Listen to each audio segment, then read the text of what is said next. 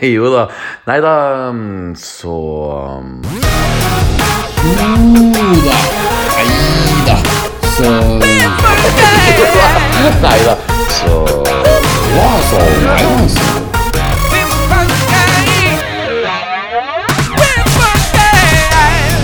Jo da. Nei da, så Jo da. Nei da. Så Mine damer og alle dere andre. Hjertelig velkommen til episode 19 av vår kontroversielle Star Wars-podkast. Jo da, nei da, så Dagens episode har fått den fengende tittelen Attack of the Clones, Corona and Carano. ja, det her blir altså en ganske eklektisk episode, hvor vi først og fremst skal snakke om den Star Wars-filmen som folk flest elsker å hate. Selv om jeg personlig føler at Attack of the Clones så absolutt har overlevd the test of time, spesielt når det kommer til originale popkulturreferanser, ufrivillig humor om sand i rumpesprekken, og så klart hvordan skuespillere skal oppføre seg både foran og bak kamera.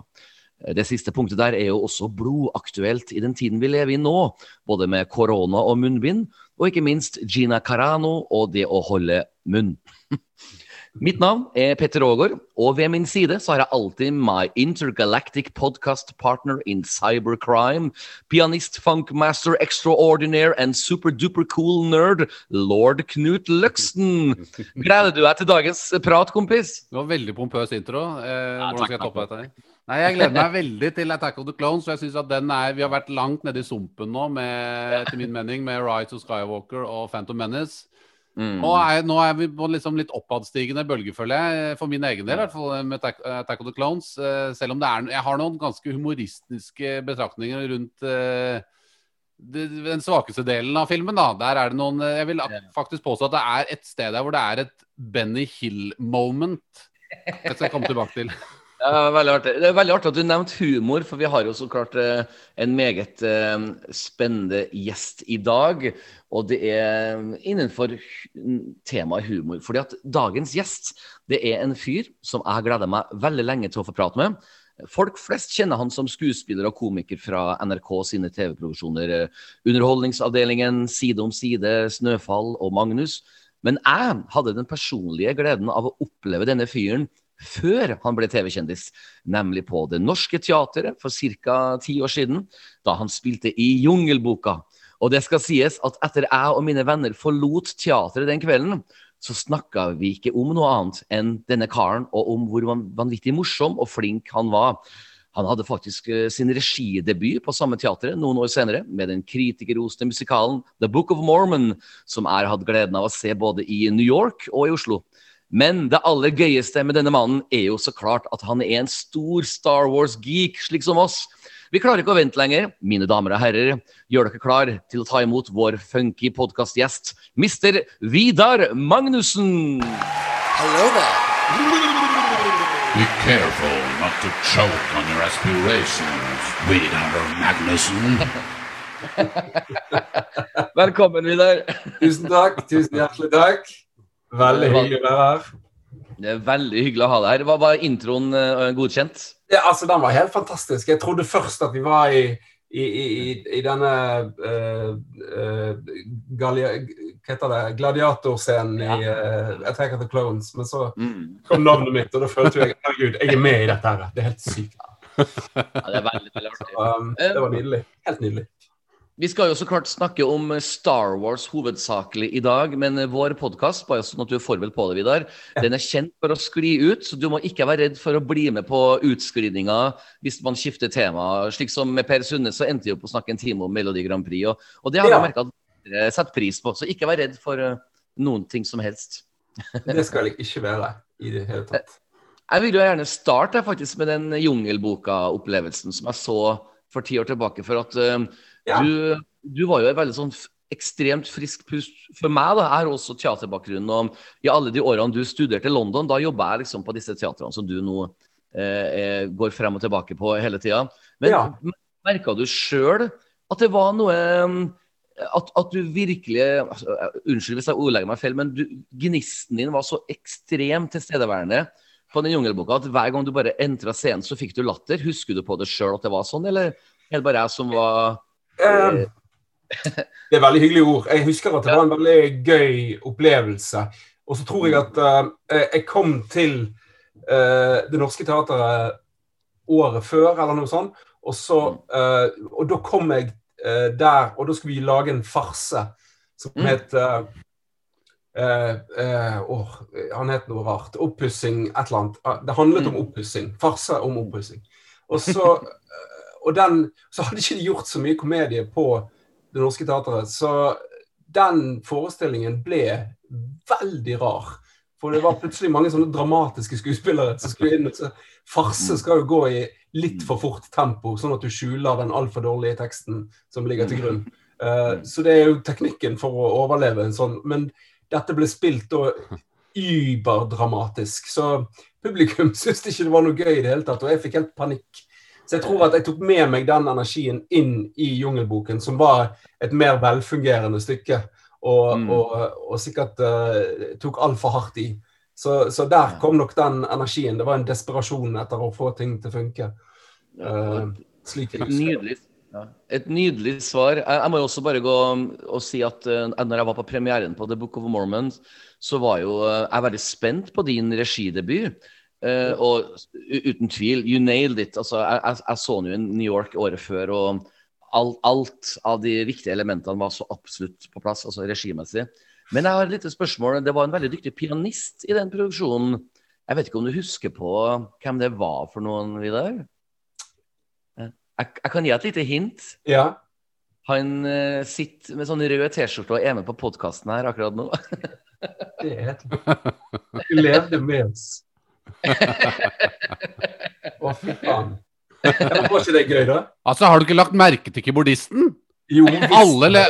Men Det er klart, du er jo ikke dame. Altså, vi får jo så mye damer not, vi keyboardister. Men eh, ja, nei, det Jeg må slenge meg på det Petter sier her. For en uh, jobb du gjorde der. Altså, det, var, uh, det var så spot on humormessig. og det er klart man har eh, kildemateriale der, men du, eh, det var vel du som la inn noen av disse her Star Wars-tingene der? Eller var de der fra før, eller åssen var dette her?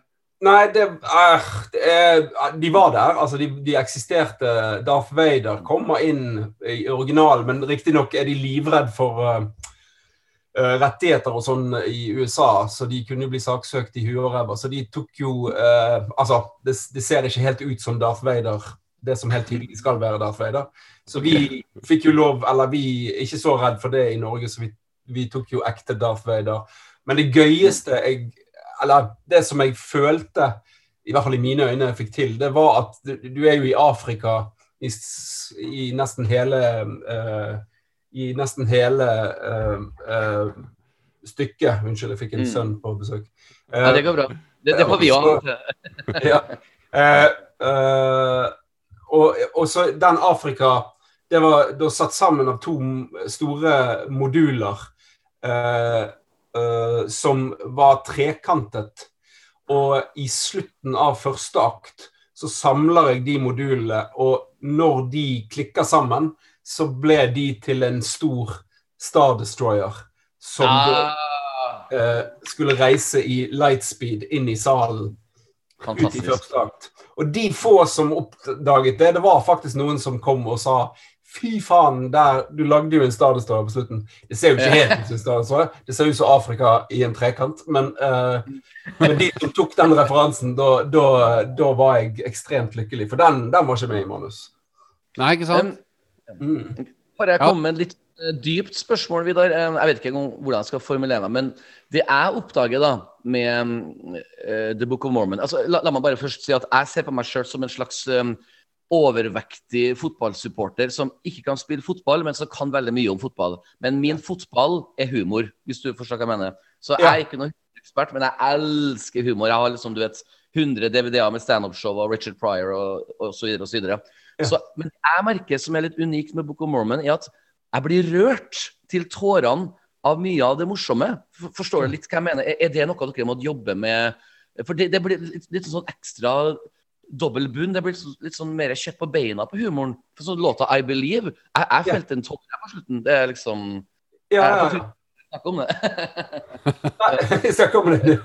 Nei, jeg, jeg er helt enig, og, det, og, faktisk så var det det vi jobbet mest med. For Mm. jeg tenkte at um, uh, eh, mormonere er jo ikke så uh, utbredt i Norge.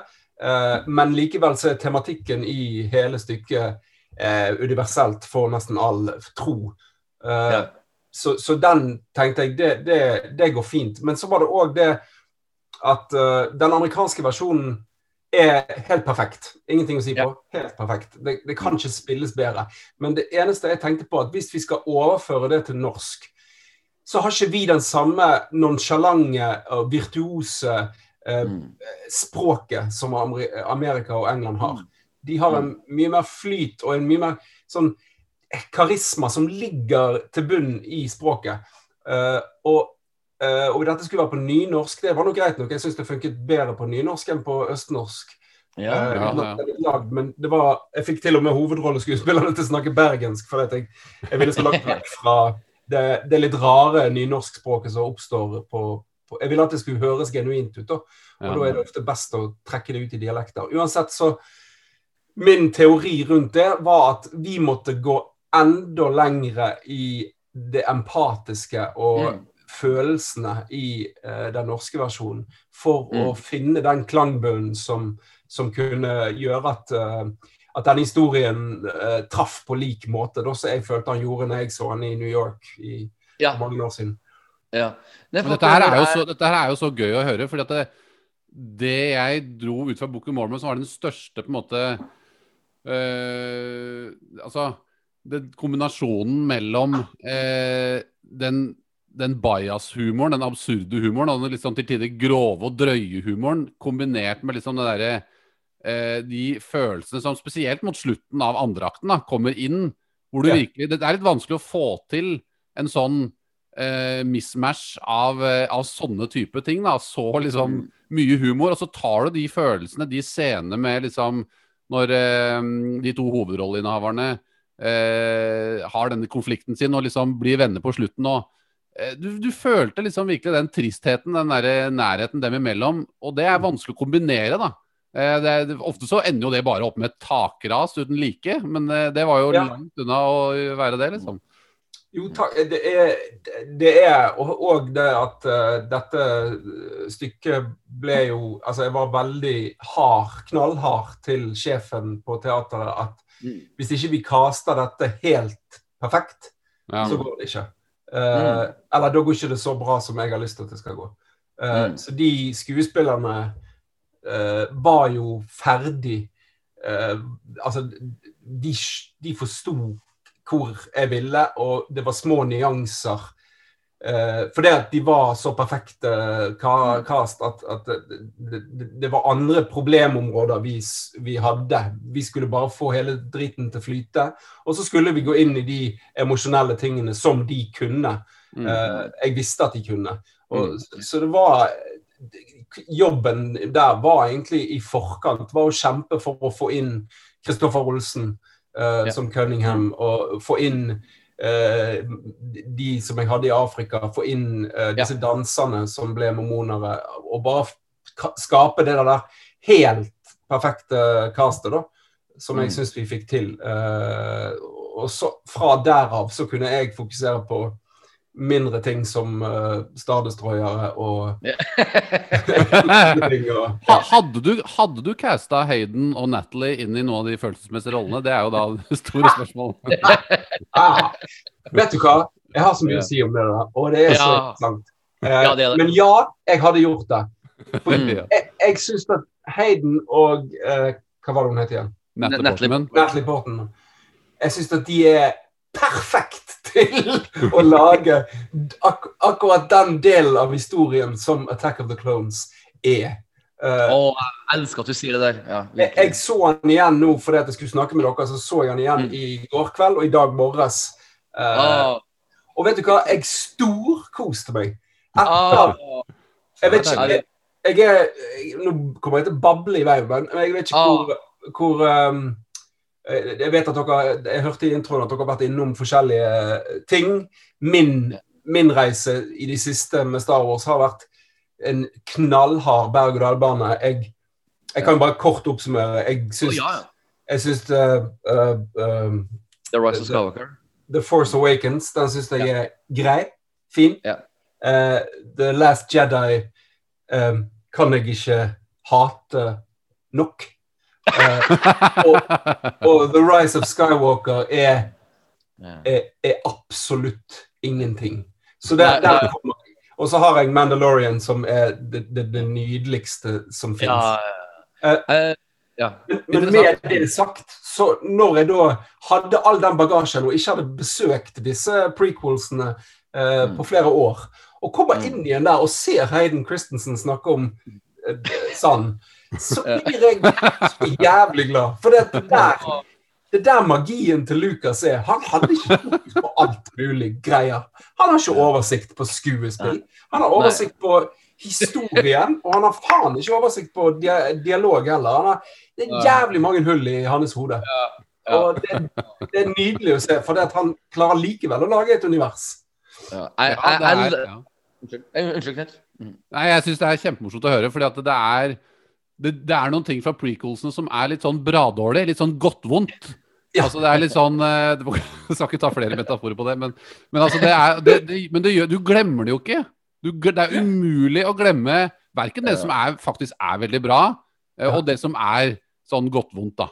Eh, Og det er jo den Vi kommer jo selvfølgelig tilbake til det, men, men jeg er veldig enig i mye av det, det du sier der. Jeg, jeg personlig er jo nok mer fan av Last Jedi, sikkert av deg, men jeg er jo veldig enig med Rise of Skywalker, som jeg ikke syns bare er et eneste Ja. stort rot. Folk er veldig delt på Last Jedi. Der er folk delt. Noen elsker den, noen hater den. Mens sånn felles konsensus om Rise of Skywalker er tydeligere. Det, det er noe jeg har lagt, bitt meg merke i, at der er det flere Der er det en jevnere 'dette er drit'-følelse. Ja, absolutt.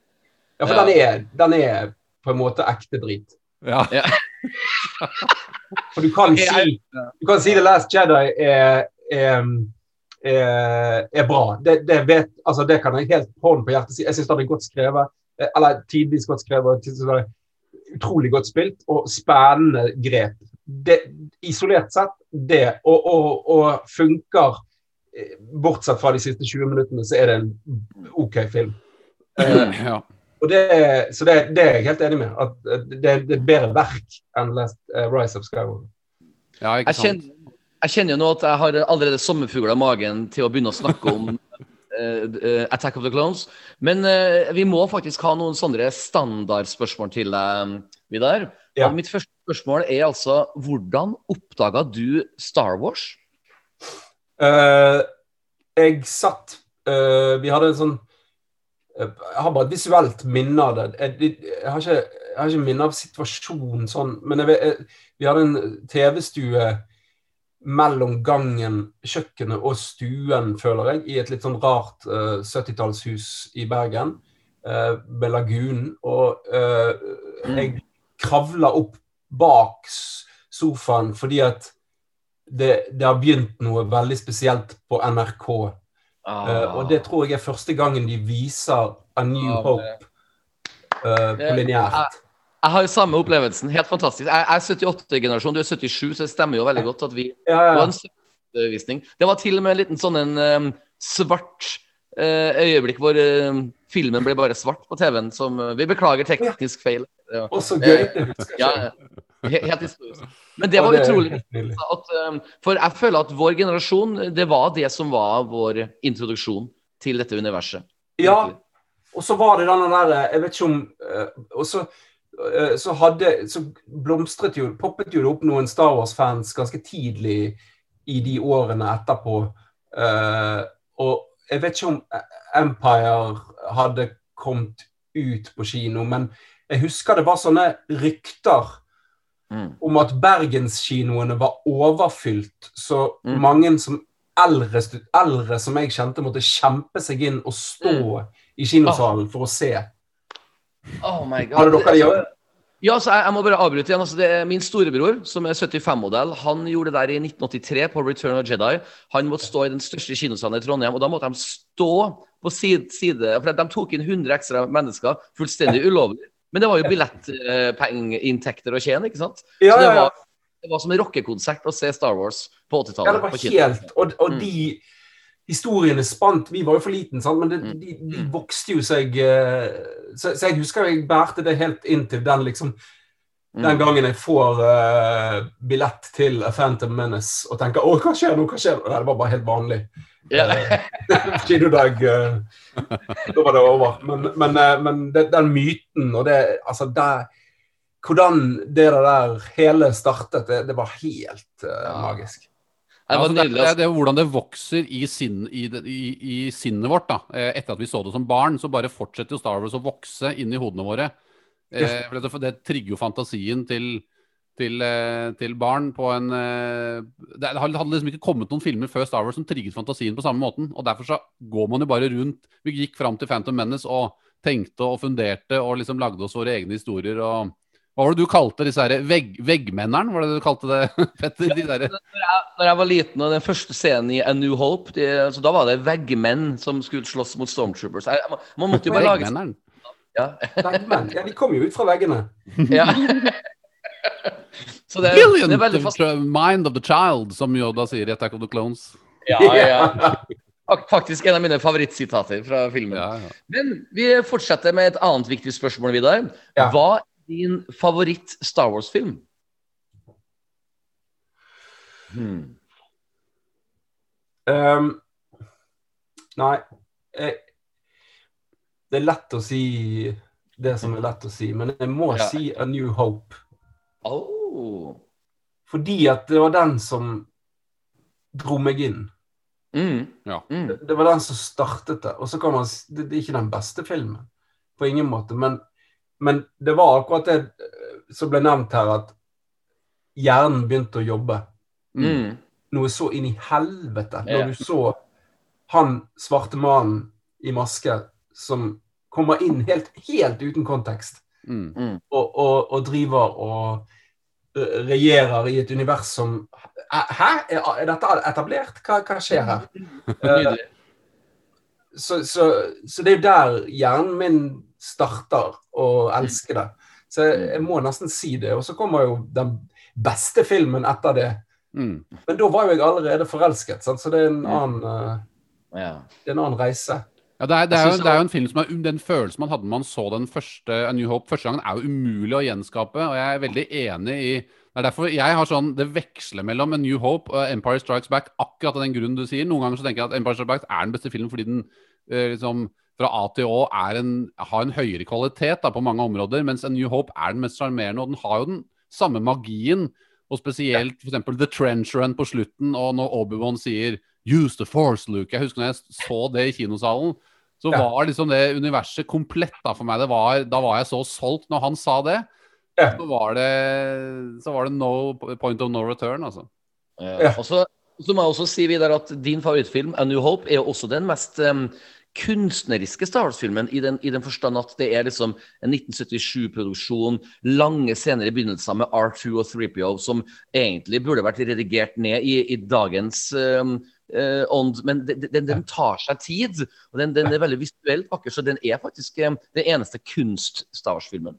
Ja, Det er veldig godt sagt. Det har ikke jeg hørt før, det er jeg enig med. Og jeg eh, merket det på mine unger, for de datt av akkurat i de Ja. sidene. Ja. Det går ikke fort nok. Ja. Nei, det går altfor sakte. Det er derfor sønnen min liker Marvel bedre enn Star Wars. fordi han, Vi begynte å se originaltrilogien først, og han begynner å Hva skjer nå, pappa?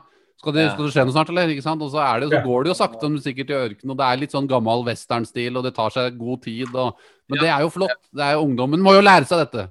Ja, men da må jeg bryte inn nok en gang og si at det er ikke bare barn som ramla. For når jeg var sånn 25 år og var på date med en flott, eh, blond, søt svensk jente på samme alder, og jeg skulle vise henne Star Wars for, for første gang, hun til og med kjeda seg da når vi kom til disse ørkene. Ja, ja, ja. Det er noe med Og du Eh, bitch-slappa henne, selvfølgelig. Selvfølgelig. Nei, ja, ja, det var, det var iallfall en beach-lignende atmosfære i Tatooine, men det kan man si. men jeg elsker ditt svar, Vidar. Vi må gå videre med flere Star Wars-spørsmål. Ja. Hvem er din favorittkarakter? Den er vanskelig. Uh. Uh, ja, den er vanskelig. Uh, Hoff? Ja, men nå kommer, nå kommer jeg med et veldig eh, kontroversielt svar, Kjør på. som jeg skal forsvare. I hvert fall forslagsvis. Ja. Dere kommer ikke til å forvente dette. Det er Din Jaren. Det er fantastisk. Altså, den, den ser jeg. Den ser jeg. Ja, ja. Det er Eh, og, og, og mye på grunn av uh, sesong to. Mm. Eh, for, og, eh, og det er på grunn av eh, det Igjen, det det gjør med meg. Når jeg ser noen forvalte dette universet sånn som jeg mener det skal forvaltes, mm. og, og, og altså rent nerdehjerte Jeg sier ikke igjen, jeg sier ikke fag jeg, jeg, jeg, jeg kommer ikke til faglig drepe The Last Jedi. Jeg kommer til emosjonelt drepe The Ja. Last Jedi. Ja. Uh, um, uh, uh, så er det det at de nok en gang klarer å entre kjernen i det som er eh, urkraften i disse historiene, og det er Mm. The Hero's Journey. Yes, sir. Jeg er så enig. Ja, ja, ja. Jeg er så enig i det. Og, og Din Jaren er jo den beste nye karakteren. Ray og Kylo Ren og Finn hadde potensialet fra Force Awakens, men det endte igjen på i Rise of Skywalker. Ja. Og, men Din Jaren er det jo fullstendig omvendt. Eller han er jo bra fra A til Å. Ja, det er noen episoder som liksom streifer litt bort, og ingen, all- ikke alle episoder er like sterke, selvfølgelig. Det er en TV-serie. Men, men der han ender, er jo når du tenker den reisen han har vært på, så er det jo helt fantastisk det de fikk til. Så mye hjerte, så mye hardtslående action. Altså det, ja, jeg er veldig enig. Men- Men det, du, du sa noe interessant, Vidar, for du sa spesielt sesong to. Og nå skal jeg ikke jeg, være bedreviter, altså, men jeg, jeg bare satt og tenka litt på sesong to her forleden dag, at karakteren din, Jaren, har jo egentlig veldig lite utvikling i sesong to. For det er jo egentlig i sesong én han møter uh, Grogu, altså Baby Yoda, og det er liksom uh, hvordan han er tøffing til å, til å bli litt soft. Men i sesong to så føler jeg at hver episode handler om å introdusere nye karakterer som skal ha potensielle spin-offs. Jeg vet ikke om du Ja, jeg er enig i det, men, øh, men og, og, og denne far-sønn-sterke linjen som er, Ja. Som er det universelle i Star Wars, den, den, den oppstår jo i sesong én. Men det som jeg tenker, og det som dette Ja, vi er vel så, kommet så langt i året at vi kan snakke om hele sesongen. Oh, ja. ja. Oh, ja. Eh, det som for meg er det samme som skjer med New Hope, er at nå tenker jeg at Din Jaren, han har Dark Saber. Han skal bli uh, sjefen for Mandalore. Mm. Han har en jævlig eh, reise foran Eller mangefasettert reise foran seg, der Mm. disse karakterene kommer til å spille en rolle. Mm. Uh, ja, det tar tid, akkurat sånn som droidene i New Hope. Det tar tid, og det er masse uh, tøys. Uh, denne froskeepisoden var jo Far out. Men, men, det er, men det er noe med at det, nå starter hans reise, føler jeg, eh, på ordentlig. Og du får snev av det i sesong to. Jeg tror det er det som Mm. Bare sånn Her har de så mange muligheter. Her har de satt det opp så perfekt. Ja. Det er så gull. Eh, Ja, fordi at, det, fordi, fordi at det også de episodene som på en måte deviates litt, da, som liksom streifer litt ut av hovedplottet, de, de blir også en del av hans historie.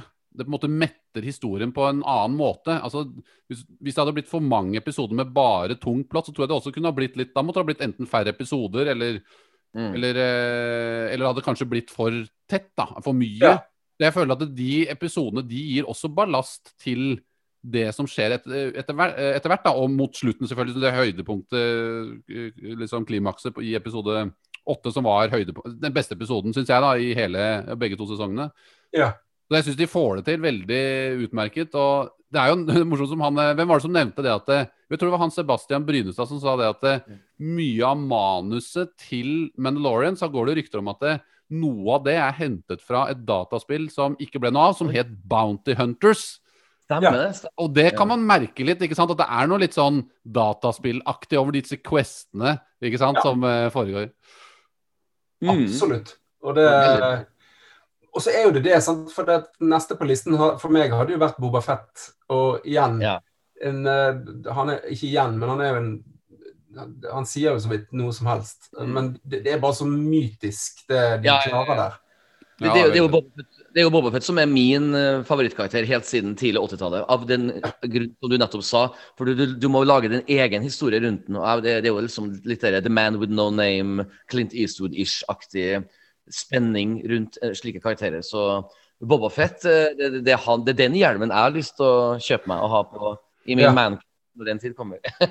Ja, jeg eh, kunne ikke vært mer enig. Det, Ja, så herlig. Så artig.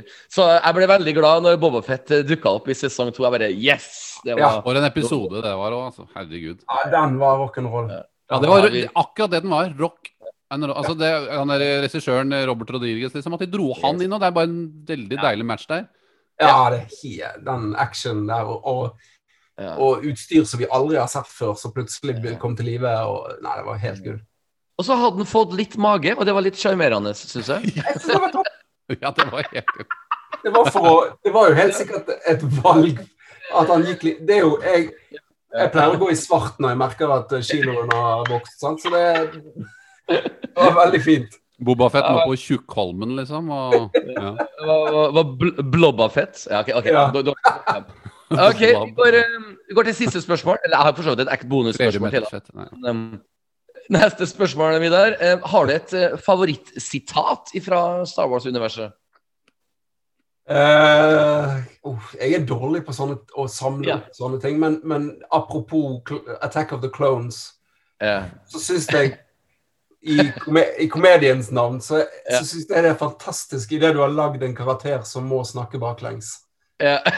Eh, og- så, og så hvor han er altså, For han har jo så mange eh, Altså, når han skal på do og han skal bare si helt normale ting, hvorfor holder han på den setningsstrukturen da? Og, og idet de, i det de kommer ned Han kommer med klonene, og de skal, Ja. så sier han 'a perimeter around the hostages we must create'. Det er helt fantastisk. De sier ikke det normalt? Han er I love smart.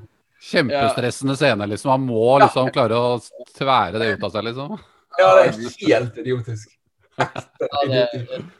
Jeg elsker sitatet. Du skal få et lite bonusspørsmål, siden vi vet at du er en, Star Wars, eh, en ekte Star Wars-fan.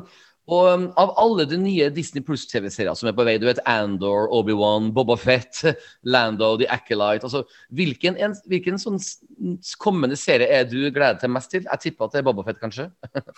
uh, uh, ja, nei, ja, altså Jeg ble så forelsket i Mandalorian, Din Djarin, at jeg, jeg ble litt sånn ah, Jeg vil videre til den historien. Ja.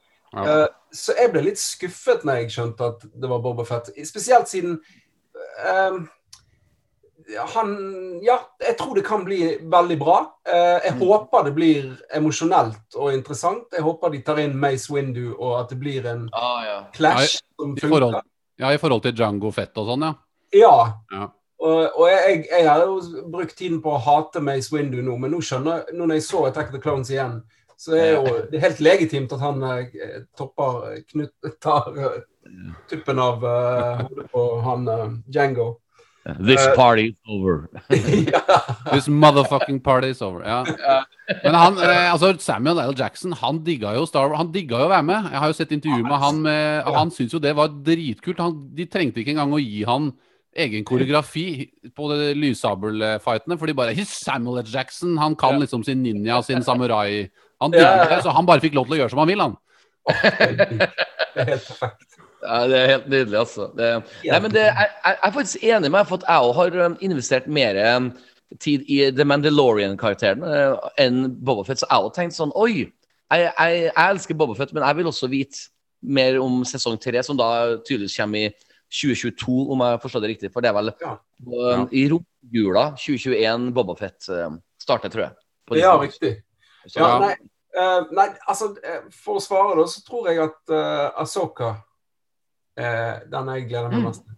ja, Ja. så artig. Fordi at Fordi at Eller når jeg ser liksom intervjuer med åh, Dave Filoni, så så, så og, og, og, og spesielt jeg så et på YouTube nå, der han, der han forsvarer prequel-filmene. Mm, uh, mm. Og, og det ser jeg nå når jeg ser igjen Attack of the Clones. For det er Bak all den driten så er det noe fantastisk bra. Det var et fantastisk bra Det, det, er, det, er, det er omvendt av Rise of Skywalker, for der er det masse flott, med masse Ja. drit bak, på en måte. Ja, Ja, ja. Det er veldig sånn Last Jedi for meg, men, men eh, Ja, helt enig. Der, der er det glosset og sømløst, Ja. men bare bæsj. Uh, Attack of the Clones er helt uh, riv ruskende latterlig, men, Ja. genialt baktekke. Men du, jeg må bare spørre, jeg vet at dette ikke er dagens tema på noen som helst måte, men eh, siden du har nevnt tre ganger nå i løpet av første halvtimen at du eh, eh, kan ikke hate nok The Last Jedi, eh, da må jeg bare spørre, er det pga. måten de behandla Luke, eller er det på en måte hele det Cantobite kasinoscenen som forstyrrer? For jeg personlig syns det var en litt sånn tøff måte å håndtere Luke, for det var så uventa. Jeg fikk en sånn en sucker punch eh, i fjeset mitt når, eh, når han kasta lyssabelen bak seg, for det var den Luke jeg minst forventa meg. Så sånn sett så klarte jo Ryan Johnson, regissøren, å um, overraske oss. Men var det det du hata med The Last Jedi? Uh, ja, og en del andre ting. Uh, nei, Cat og Bite var ikke så problematisk. Da husker jeg da var jeg hjernen min koblet av allerede. Men, uh, men det som drepte det for meg, er akkurat den uh, replikken som har drept i seg, der Kylo Ren sier uh, We must uh, Jeg husker ikke det engang. We must kill the past. Uh, Ja. Ja. og, og, og, og det følte jeg at regissøren ville. At vi skulle drepe det gamle, og så skulle vi introdusere Star Wars for helt nye fans, som Mm. ikke hadde historien med seg. Mm. Eh, Det er direkte motsatt av det Mandalorian gjør. De introduserer en ny karakter som du har ingen grunn til å føle noe for, men du føler noe for ham fordi at manuset eh, spiller på akkurat de strengene som fikk eh, det originale til å funke. Så, så eh, Ryan Johnson spiller på andre strenger eh, totalt. Han, han hopper over hele mytologien og lager ny mytologi. Og det, det er helt topp, det er isolert sett, men det, det er jeg, jeg, jeg, jeg, blir forbanna hver gang jeg ser den. Jeg har unger som liker selvfølgelig De, de syns jo den er så visuelt nydelig. Sant? Ja, Så Ja. Ja. Um, og de begynner jo å tenke og mytifisere Snoke og alt sånt Så det der, men, men for meg blir det um, han, han klarer det han sier. Han dreper fortiden for meg. Mm. Uh, og det er både Luke og resten av Star Wars. på en Mm. Ja, Mark Hamill prøvde jo faktisk å si ifra til Ryan Johnson under innspillinga at jeg tror ikke det her er den rette veien å gå for fansen. Men Ryan Johnson var ikke klar for å høre Men jeg- på de rollene. jeg- Ja. tror at hvis de hadde håndtert Rise of Skywalker bedre, så kunne de på en måte ha For den er jo fullstendig frakobla episode, episode 8. Altså, du, det er Ja. ja. ikke du tror at de er i samme trilogi engang. Og da liksom eh, Hadde de klart de, altså Det der manuset til Colin Trevorrow som jeg har lest, det er veldig lett å si at ting på papiret er bedre, er bedre enn det du allerede har fikk servert. Da. Men, men eh, når jeg leste det, så, eller deler av det, så tenkte jeg her er det så mye direkte koblinger til episode 8 at det i hvert fall i det minste sto for det de hadde gjort. Og det kunne i hvert fall klart å redeeme noen av de valgene Ryan Johnson gjorde, da. Eh, Ja. På et bedre måte. Så det kunne ha satt Last Jedi i et bedre lys, men Rise of Skywalker gjør jo i hvert fall ikke det. Den gjør det Det, det første Mark Hamill, altså Luke Skywalker, sier i Eller noe av det første han sier, er jo I was wrong, sier han altså i Russell Scarwacker. Skywalker. Og det er jo en slags referanse til alt han gjorde i Last Jedi. Det er sånn jeg tar det, Ja. Ja. Det er bare regissørene som krangler med hverandre, det er det de legger inn i dialogen. Liksom. Ja, det, det er jo Kill the past. He was wrong. I don't like Ryan Johnson, kunne han liksom ha lagt til. Ja, ja, ja. Det, er jo virkelig det. Men vet du hva? Det her eh, får meg til å skrive ut bitte litt mer. fordi nemlig i går, på det store internettet, så var det altså et um, USA Today-intervju med Ryan Johnson, hvor han bekrefter at uh, den trilogien som han skal produsere og skrive, som er på en måte utenfor um, Skywalker-sagaen, er fortsatt uh, ikke avlyst. Eh, Ja. Da har jeg et spørsmål til eh, deg, Vidar. Tror du han snakker sant, og håper du han snakker sant? Oh, um, um, uh, jeg, jeg, jeg, jeg, eh, jeg, jeg er ikke en sånn Jeg hater ikke personen, eller jeg hater ikke Jeg hater bare det verket, isolert ja. sett. Jeg, jeg, jeg syns 'Knives Out', som han lagde etterpå, var ganske bra. Ja, og, og, og Looper og Brick er også sterke Looper filmer. er jo dritbra. Ja. Ja, kjempebra. Så jeg Mm. tror at Brian Johnson er en kjempeflink regissør, og jeg har lyst til å se han lage mer. Og jeg har lyst, jeg har lyst på alt mulig Star Wars. Um, men det jeg opplever han som, og da går jeg kanskje litt på person, det er den rigiditeten i hans meninger. Mm. I det at du skal faktisk trakke på fans. Mm. Eh, som han insinuerer flere ganger. Ja, det ja. det syns jeg eh, Da er jeg glad han er utenfor hovedhistorien og skal lage sin egen historie, for det tror jeg han klarer. Ja. Men da det må det være noe som jeg ikke har sett før. For han har null kompetanse i å forvalte noe som ja, sånn som Dave Filoni og uh, John Favreau klarer. Ja. Det, det talentet har ikke han i det hele tatt. Nei. Nei. Så jeg er glad han lager en annen historie, men han må gjerne lage Star Wars. Det syns jeg er topp. Ja, Mm. for det, Nei, som, vi, som vi vet, eh, Patty Jenkins skal regissere en ny Star Wars-film. eh, Taika Waititi skal regissere en ny Star Wars-film. Og godeste, og godeste Marvel-sjefen Kevin Feige skal produsere en annen Star Wars-film. Så da er vi altså tre filmer. Så det, det er jo iallfall ti år fram i tid. I tilfelle disse Ryan Johnston-filmene som kom. Så jeg personlig tror eh, faktisk at det ikke kommer til å skje, fordi at eh, Ryan Johnson blir så assosiert med et eh, Star Wars-hat blant så veldig mange fans. Så jeg tror ikke at Lucasfilm og Disney kan tjene noe på sikt på å ta han inn i varmen igjen. Nei. Eh, Men når sånn skal sies, The Last Jedi tjente jo 1,3 milliarder dollar. Så det er jo en av de Jeg tror det er nest det er den nest mest tjente Star Wars-filmen i historien. Så hvis man ser på tall, så er jo Disney glad i fyren. Men, men jeg, jeg, jeg tror jo på en måte at, at hvis Ryan Johnson har sittet og jobba med denne trilogien nå i tre år i det skjulte, og Disney faktisk tenker at her har han jobbet med, som Vidar sier da, altså en, en, en, en trilogi eller en film som er helt frakobla den eksisterende historien som vi kjenner, nye, nye karakterer, en helt ny lekegrind, liksom. Mm. Da, de har jo også muligheten til å på en måte bruke han ikke, altså, Det er rart for meg å tenke at de vil kaste dette på dynga, da. Men de, og de Ja. kan alltids bruke det. De trenger ikke å slappe 'directed by Ryan Johnson'. De kan ta noe av hans ideer, bruke Ja. noe av det han har gjort, og kaste det inn i noen andre ting. Sånn holder de på i disse studioene. De trekker jo ting fra dataspill, fra law, fra tegneserier, bøker. Altså, de gjør masse forskjellig og kaster veggimellom. Liksom. Så jeg tror nok ikke det jobb, arbeidet han har gjort, nødvendigvis er forgjeves. da. Og jeg håper jo, for Han er jo en dritbra regissør. Jeg håper at han, at han klarer å få til å lage noe som er litt frakobla resten. Det tror jeg kan bli dritbra. Ja, jeg òg.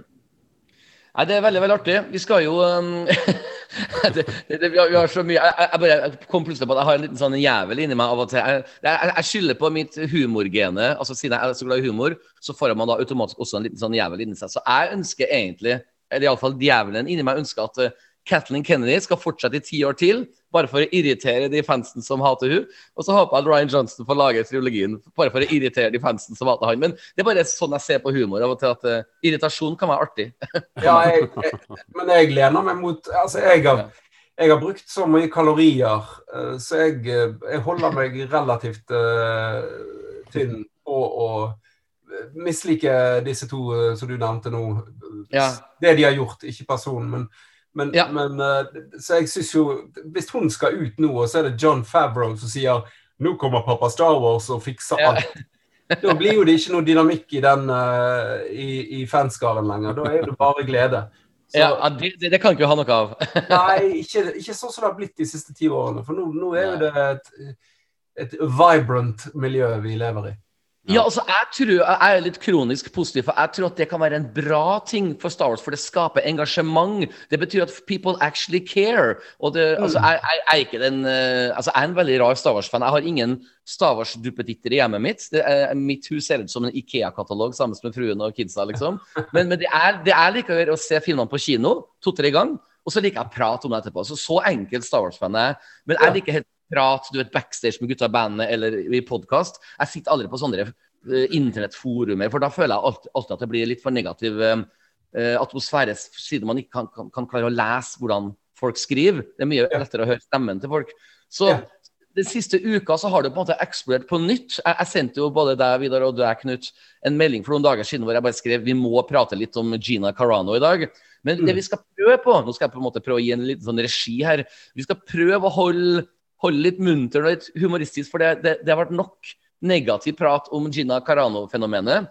Men jeg kan iallfall starte med å si eh, eh, bare en liten introduksjon her, at eh, den 24. november i fjor så snakka jeg og Knut eh, Løksen om Gina Carano på vår podkast, hvor jeg da forutså at jeg tror hun kommer til å få sparken, fordi at hun har så mye sånne trampistiske, transfobiske eh, antimunnbindistiske stater. Så er bare sånn, det her kan ikke være bra for Lucasfilm eller Disney, så jeg forutså at hun der må jo få sparken. Og for å, eh, også, Som jeg sa til Knut, også, det her er altså en wrestlingjente fra Texas. Jeg mener, What did we expect? Det er jo liksom Selvsagt er det litt eh, republikansk blod i hennes gener. Så Ja. for å få dere litt med inn i introen her, altså i november altså, så holdt jeg, holdt jeg på med Pandemic Hoax, uh, It's a Democratic Conspiracy, Masker er bare tull. Disney ga ikke sparken. Uh, men Disney tok kontakt med hennes management, UTA, bare for å be om å rose henne. Uh, Bare noen uker senere begynte jeg å snakke om valgfusk uten noe bevis, masse pro-Trump-ting. Disney ga nok en gang ikke sparken, men de tok kontakt med hennes management. Og så Ja. kom disse transfobiske vitsene. Hun til og med sletta Black Lives Matter-folk på hennes eh, Twitter-konto. du vet. Og, og da, da til slutt tok Disney møte med ja, nå må de roe ned. At, eh, men de ga ikke sparken. Men de, hun, hun, hun måtte love dem å roe ned på sine kontroversielle eh, ting og tang. Ja. Og så et sånn presseskriv som Pedro Pascal, altså The Mandalorian, hjalp ham å skrive, så, hvor hun misforsto de transfobiske tingene sine. Three strikes der, altså, og she's still not out. Og så var det jo planer om å lage en Cara Dune-serie, som ble da scrapped. Rangers of the New Republic skulle jo egentlig ha Cara Dune in the lead. Og nå da i februar så gikk han for langt med noe antisemistiske antisemittiske eh, meldinger uten å gå for, for mye det, detaljer. Ja, man kan diskutere free speech, but that shit goes both ways, liksom. Og nå da har jeg altså begynt å jobbe med Ben Shapiro, en mann fra The Daily Wire, som en sånn skikkelig sånn um, alternative right, hvor hun skal nå få lage sin egen film. Så det var en kort intro. Uh, Vidar, på, på din beste lettvinte, kanskje humoristiske måte. Gina Carano, hva, hva, hva skal vi gjøre med henne? Jeg syns jo hun er så jævlig kul i uh, Ja. Mandalorian. Jeg syns hun er dødsbra.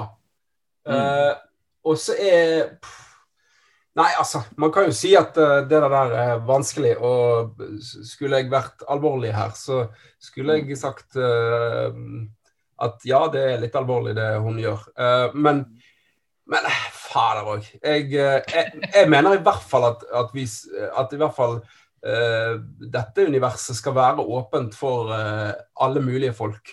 Så, så jeg, jeg har jeg, jeg blir bare lei meg, som en gutt blir lei seg. Mm. synes det var et sånn vakkert svar. Jeg, jeg er tydeligvis litt mer radikal enn deg. For jeg føler liksom at eh, jeg, har jo, jeg driver jo for, forskjellige band, ikke sant. Og av og til så er vi litt i media av forskjellige grunner. Og hvis noen av mitt band har begynt å uttale seg på en måte som kan gå litt utover bandet, så har jeg nok kanskje sagt eh, Dude, you have to stop this or leave the band. Så jeg forstår Disney kanskje bitte litt mer enn hva du tenker. Men hva med du, Knut? Eh, har du skifta mening siden 24.11. i fjor? Jeg sier bare Hva har du gjort nå? Gina? Altså, det er, det er jo på en måte eh, Hun, hun skjønner Altså, hun jeg, jeg tror ikke hun er et ondt menneske som liksom Jeg tror ikke hun er det. Jeg tror bare hun er sosialt klønete. Og hun, hun, hun har på en måte fyrt seg opp på en reise hvor hun Sånne nettroll som sitter og skriver sånne ting og får masse følgere, de blir hekta på det. De blir fyra opp under de kjenner at de får makt. De, kjenner, de begynner å kjenne at folk hører på det de sier, og så blir det en sånn herre spiral. Jeg tror ikke hun mener egentlig Jeg tror ikke hun er antisemistisk, muligens. Altså, kan, Nei, det kan hende at hun er det. Men jeg, jeg leser den Twitter-meldingen hennes, men det er Eller hans, ja. Hun er ganske Hun er jo relativt uh, antifeminin, holdt jeg på å si.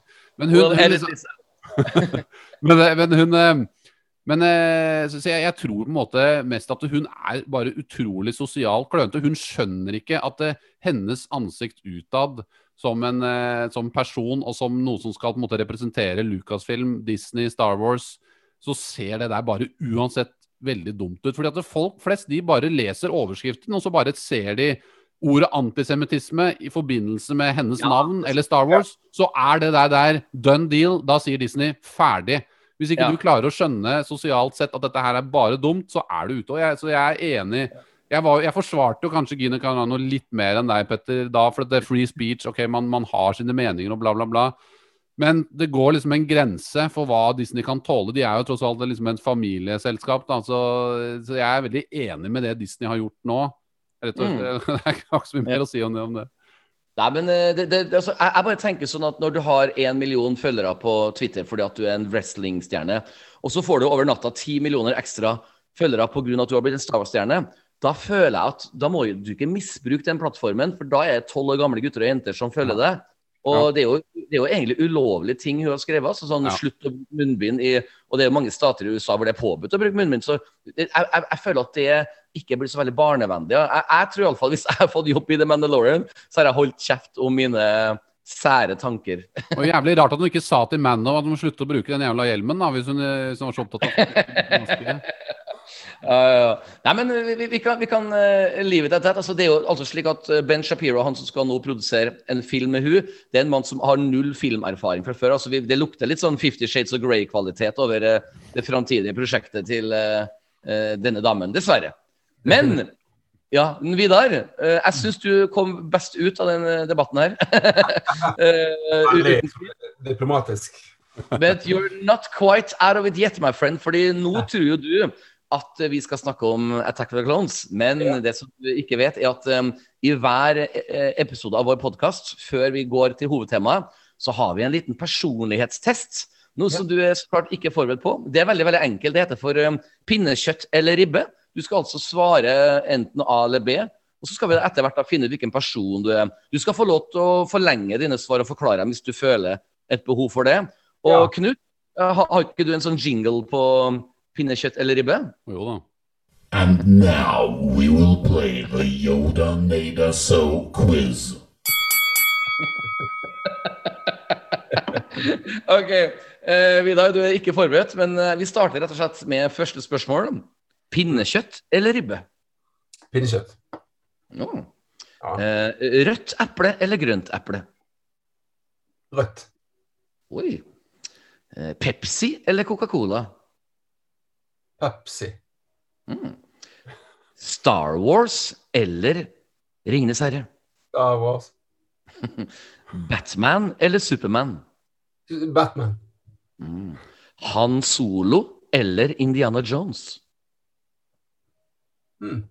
Mm, den, den stopper alle på. Det er full brems hver gang. Alltid brems på den. Den er umulig. For det, Ja, det, det- det- er på en måte det er samme struktur. Ja, ja. Eh, og mer av Indiana Jones, da. Ja, veldig bra. akkurat det som er vanskelig. Det er det. Ja, veldig bra sagt. Indiana Jones. Ja, det, det, det er helt lov. For det er jo artig å, å si Indiana Jones i en Star Wars-podkast, men det er lov til å si det. Ja, Eh, nesten er litt tricky, for du er jo så klart eh, musikkinteressert, du også. Eh, The Police eller Sting? Ja. Nei, ja, da får jeg bare Det som har betet seg fast i meg, er Sting. Mm. Ja. Jeg sier Sting. Det er jo alltid sånn gøy å si old school, men jeg sier Sting. Ja, det, det, det er helt lov. Um, Bård og Harald eller Thomas og Harald?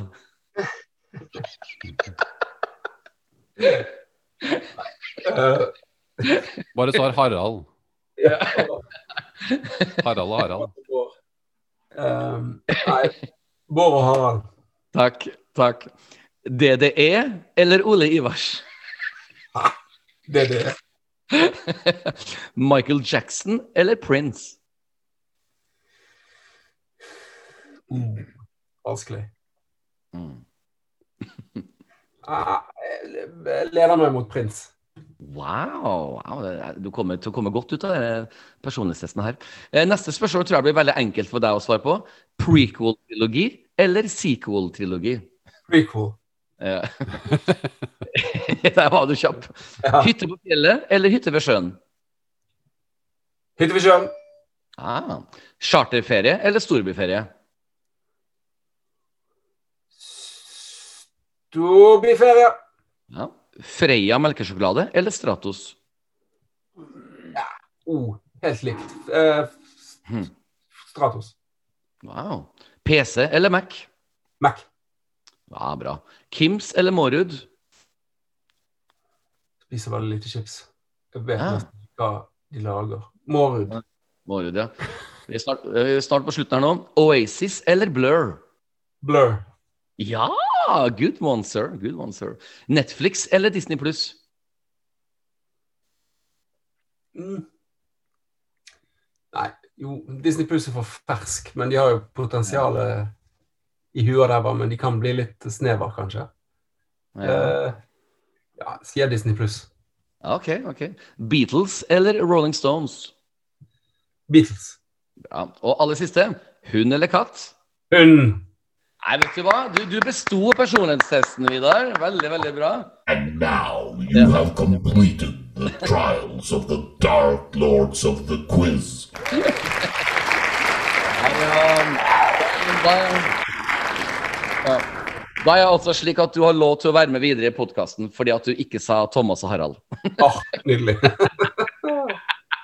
For hadde du sagt Thomas og Harald, så hadde vi bare slått av podkasten nå og bare Thank you! Ikke sant? Ikke Nei sant? da. Men det, det er litt dilemma, for vi har jo ofte kjendiser som gjester her, og de kjenner jo både Bård Harald og Thomas Harald, så det blir litt vanskelig. eh, Jeg gjør sånn- det, jeg òg. Det er nydelige folk, hele gjengen. Ja, ja, ja, absolutt. Veldig Men det er kanskje litt, litt mer sånn um, Hva var det Per Sundnes sa så fint? Han sa at uh, Bård og Harald har jo på en måte blitt uh, De har klart å skape en, en, en, vært en del av å skape moderne kultur, kan man si, altså, i, med, med sine signaturting. Mens Thomas og Harald har vært, vært kanskje litt mer lett, lettere på bena når det De er litt til mer Disney, på en måte. Disney Ja. Plus. Ja. Ja. Også Harald havner på Disney pluss. Bård og Harald er mer sånn eh, Netflix eh, for voksne. Ja, ja. Det er det. Veldig bra. Da er vi faktisk i gang, folkens. Jeg kan jo bare si at eh, Disney Pluss runder om noen få dager 100 millioner abonnementer. Eh, og det vil si at eh, de klarte det på to år. Mens Netflix, som har 200 abonnementer, abonnenter, eh, de klarte det på ti år. Så det vil du mest sannsynlig si at om to år så er Disney Pluss større enn Netflix. Ganske Men interessant. Netflix lagde jo grunnlaget for Oi. Ja, ja, ja, ja. Ja, ja, ja. Så nå, mine damer og herrer, bare, ja, faktisk bare en time ute i podkasten, så skal vi begynne å snakke om eh, vårt hovedtema. Det er ikke dårlig. Attack of the Clones. Skal vi kanskje bare starte med det viktigste? Det er jo Vidar som skal få lov til å svare mest her, men tittelen 'Attack of the Clones' Altså, 'Attack of the Clones' i denne filmen så er jo 'The Clones the Good Guys'. Så Ja. sånn sett kunne det bare vært 'Attack of the Good Guys'. Ja, Og, og, og ikke minst, Attack of the Clones er jo bare én liten ting som skjer i hele filmen. Så da kunne man liksom godt kalt The Empire Strikes Back for uh, The Battle of Hoth. Hvis du Ja. skjønner hva jeg mener. Og, og grunnen for at jeg starter med her, er for at Hugh Ewan McGregor var på den røde løperen tilbake i 2002. Og så blir det av So what do you think about the, the new title for the new Star Wars movie, Attack of Clones? Han bare It's called Attack of the Clones? That's a terrible title!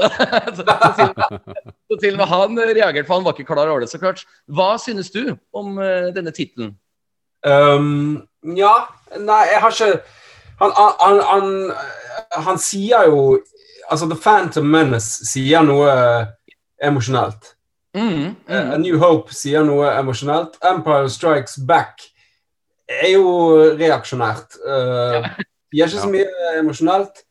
Uh, Return of the Jedi er emosjonelt. Um, the Force Awakens er emosjonelt.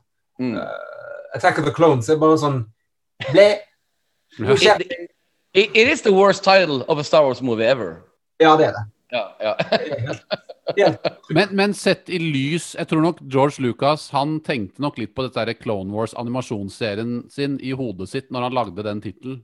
Det er jo selvfølgelig en liten kritikk til filmen, for det skjønner jo Og det er jo altså, folk Hvis du spør mannen i gata hva er liksom plottet i Attack of the Clone, så er det vanskelig for folk å huske hvem bestilte denne klonehæren, og hvor kom disse klonene fra? Er de slemme, er de snille? Hvem er da? Det er helt umulig for folk å skjønne det. Nei, nei, nei. Du, du, du tar helt feil. Det er jo alles favorittkarakter, Saifo Diaz, som gjorde det. ja, ikke sant? Saifo Diaz. Du gikk i dass for Diaz. Ja. Nei da. Så at uh, tittelen er rar. Hele filmen er jo skrevet og regissert av um, Josh Lucas. Og jeg, jeg trodde jo liksom at kanskje Phantom Menace var et sånn engangstilfelle, og den filmen her skulle bli litt bedre. Jeg husker jeg bodde jo i Oslo på tida her. Jeg jobba faktisk på Det Norske Teatret akkurat den rute tida her, og jeg husker at um, på T-banen på um, Majorstua så var det en stor plakat av Attack of Clowns hvor det, bare var et stort bilde av Django Fett. Og jeg bare Oh my god! Jeg, Ja. Kanskje jeg tilgir Josh Lucas for Phantom Menace, for det her ser jo jævlig tøft ut. Og ja, uh, ja, vi har, vi har jo snakka litt om det på introen i dag, men altså ja, Josh Lucas har jo lytta litt på fansen. Det er mye mindre Jar Jar, for å starte med det. Det så han har jo på en måte lytta til fansen og kritikken på den måten. For Jar Jar er jo så vidt med. Han har riktignok en viktig rolle, det skal vi komme tilbake til, men han, eh, han dukker opp i Annie, Annie, og så blir han glad, liksom. Og så smiler han plutselig inn i kamera og bryter den fjerde veggen. Har du lagt merke til det, Vidar? Nei! Jo, det er altså slik at den første scenen du ser den i, du vet når, de tar hei, når Obi-Wan og Anakin tar heisen opp for å møte Padme, og inni der er um, Jar Jar, og akkurat når den scenen er ferdig, så går han forbi kamera, og så titter han rett inn i kameralinsa og smiler. Akkurat som en sånn en Fuck you guys, I'm still here! og det, det, Ah, det er gøy. jeg mener at det er Josh Lucas humor på sitt beste. da At han bare yeah, let, let, let's, let's put that in, let's put that in. Og så flirer han. Ja. så for, jeg tenker jo, jeg, jeg tenker jo fremtid Altså, det ultimate um, Den ultimate gleden for en Star Wars-fan er jo om Jar Jar Binks ble redeemed på et, på et vis. mm, Hvis de klarer det kunststykket, så da hadde jeg eh, hoppet i stolen. Mandalorian sesong tre lukta jeg en Ja. ja.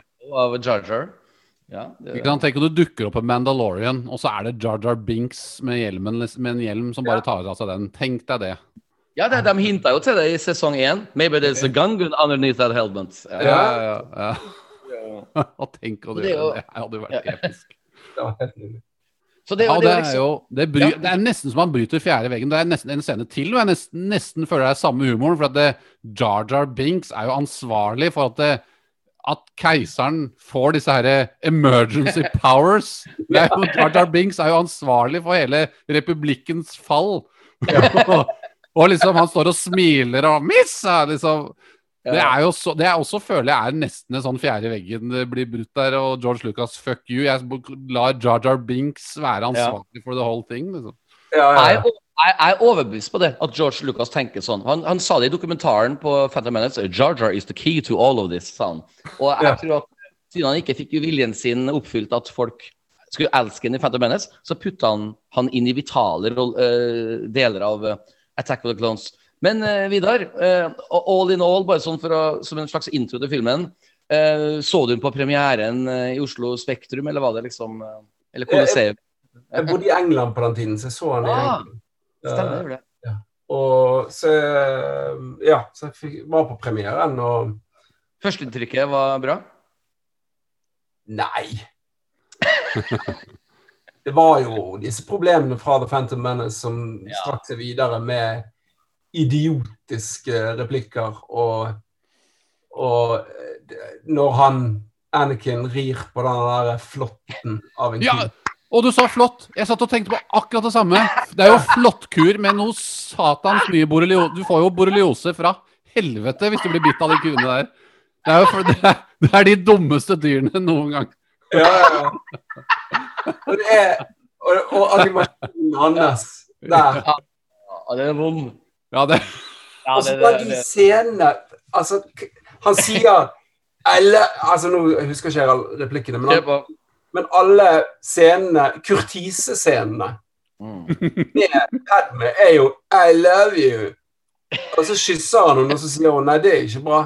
Og så neste scene så er det Jeg trenger deg, ellers var det mareritt. Eh. Og, så, og så kommer bare den ku... Ja, og så har de den der merkelige politiske diskusjonen i gresset. Der må bare gå inn og, og En smart mann må bare fikse alt. Det må ikke Ja. høre på resten. ja. De er de er jo helt diametralt motsatte. Og så skal han liksom ri på en ku for å eh, veie opp, sånn at du får en følelse av flørt. Og så er de tilbake inn på et eller annet rom. Så er det 'Jeg trenger deg enda mer enn i sted'. Ingen Ingenting som eh, romantisk. Det er bare en, en needy liten nettroll som er helt jævlig. Han er helt sånn Stovner barneskole, klasse 6A, har skrevet en sånn teaterstykke. Ja. Det er, eh, det er jo veldig flaut. Altså, det, det er, og det er jo og så er det, vel, det er vel så komisk at det er liksom, dette er jo det stedet hvor filmen er på sitt dårligste, på sitt mest komiske. Og så Det Star Wars pleier å naile, er jo morsomme aliens, morsomme ting i bakgrunnen, et morsomt univers. Men det er jo, de har også klart å da stappe inn de dummeste kuene inn i den, så det, alt er dumt. Det er liksom ikke én Og du sier kurtise, da begynner jeg å tenke på de påfuglkostymene som hun der Padme går rundt i hele tiden. Alt blir så komisk. Og, altså, George Lucas var jo ute etter eh, en litt sånn For de ser jo veldig bra ut sammen. Sånn visuelt sett så er det jo ikke sant? Han, eh, Hayden Christensen er jo veldig sånn James Dean-aktig type. En sånn en ung, eh, good looking western guy, liksom. Ja. Det var jo det han var ute etter. They looked good together. Ja, Ja, ja. Eh, ja.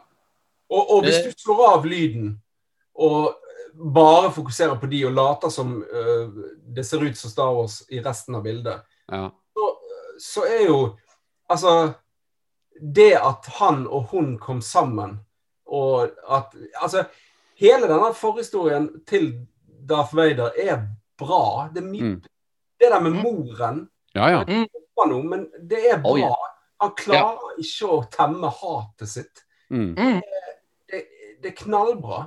Mm. Det er veldig, det er veldig gresk tragedie over den biten her, og det er jo det Ja. er spennende. Ja. Ja. Ja, men det, det er jeg helt enig i. Sexy å si 'jeg har drept masse barn'.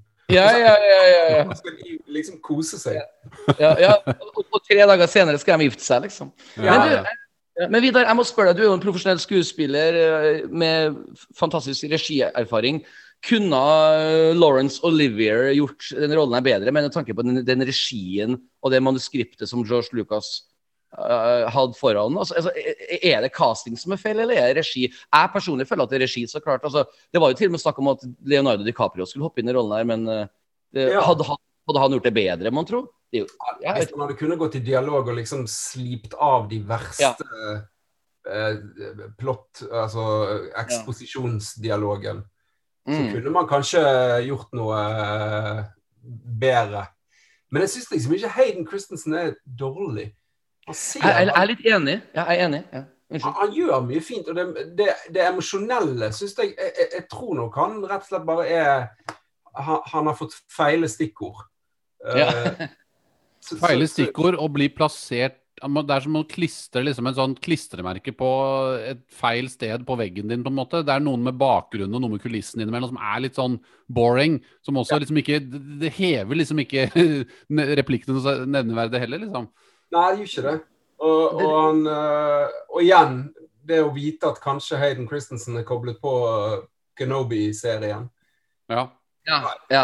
Tidenes comeback. Ja, ja det altså, jeg elsker det. Jeg elsker det, jeg syns jo Hayden Christensen er mye bedre i De får, altså, de får me, Anakin Skywalker bedre til da, i Revenge of the Sith. Ja. Eh, og det er jo liksom, Du har liksom noen linjer her. Han sier f.eks.: When the king asked me to be a senator, I couldn't refuse her, sier Padme. Og så liksom sier han I like that you're being a senator. I like that you Altså Han sier bare sånne selvfølgeligheter. Det er bare Ja. sånne veldig kjedelig George Lucas har jo sagt selv at han, han, at han er en dårlig sånn dialogmanusforfatter. da. Eh, og, det jo, og det er jo helt riktig. Han har jo på en måte selvinnsikt på det. Og han har jo til og med han, den scenen hvor de sitter og spiser, og han driver og leker med det eplet og sånn. Eh, ikke sant? Den er adlibbed. Den scenen er fullstendig adlibbed av Hayden og Padmay, av, av Natalie Portman. Ja. Fordi at George Lucas følte at eh, dialogen hans ikke var bra nok. Ah. Hvorfor tenkte han det bare der? Eh, det er liksom, tenker jeg da. Det, det, det er jo en annen ting. altså Sir Alec Guinness eh, Forresten, gå på YouTube og se på gamle Sir Alec Guinness eh, YouTube-intervjuer fra tidlig 80-tallet. Han har så mye artige historier om Star Wars hvor han sa rett ut til George Lucas at sånn og sånn må forandres. Det og det kan jeg ikke si, jeg må si på den måten. Han, Mm. han forandra i manuskript, han Alec Guinness, at han fikk eh, 1,2% ekstra på fortjenesten av eh, A New Hope. Altså, ma Ja. altså mange, mange millioner eh, pund ekstra. Men, men, men Hayden Christensen var jo sikkert bare 18 år i 2002 og jo ikke i, i stand til å rette opp på en, eh, en mann som, var om, som bare var omgitt av ja-personer. Så Alec Guinness redda på en måte A New Hope med å eh, kom, få, litt frisk dialog. Men jeg føler at Hayden ikke har hatt noe eh, valg. Så jeg husker tilbake i tida når folk hata Hayden Christensen.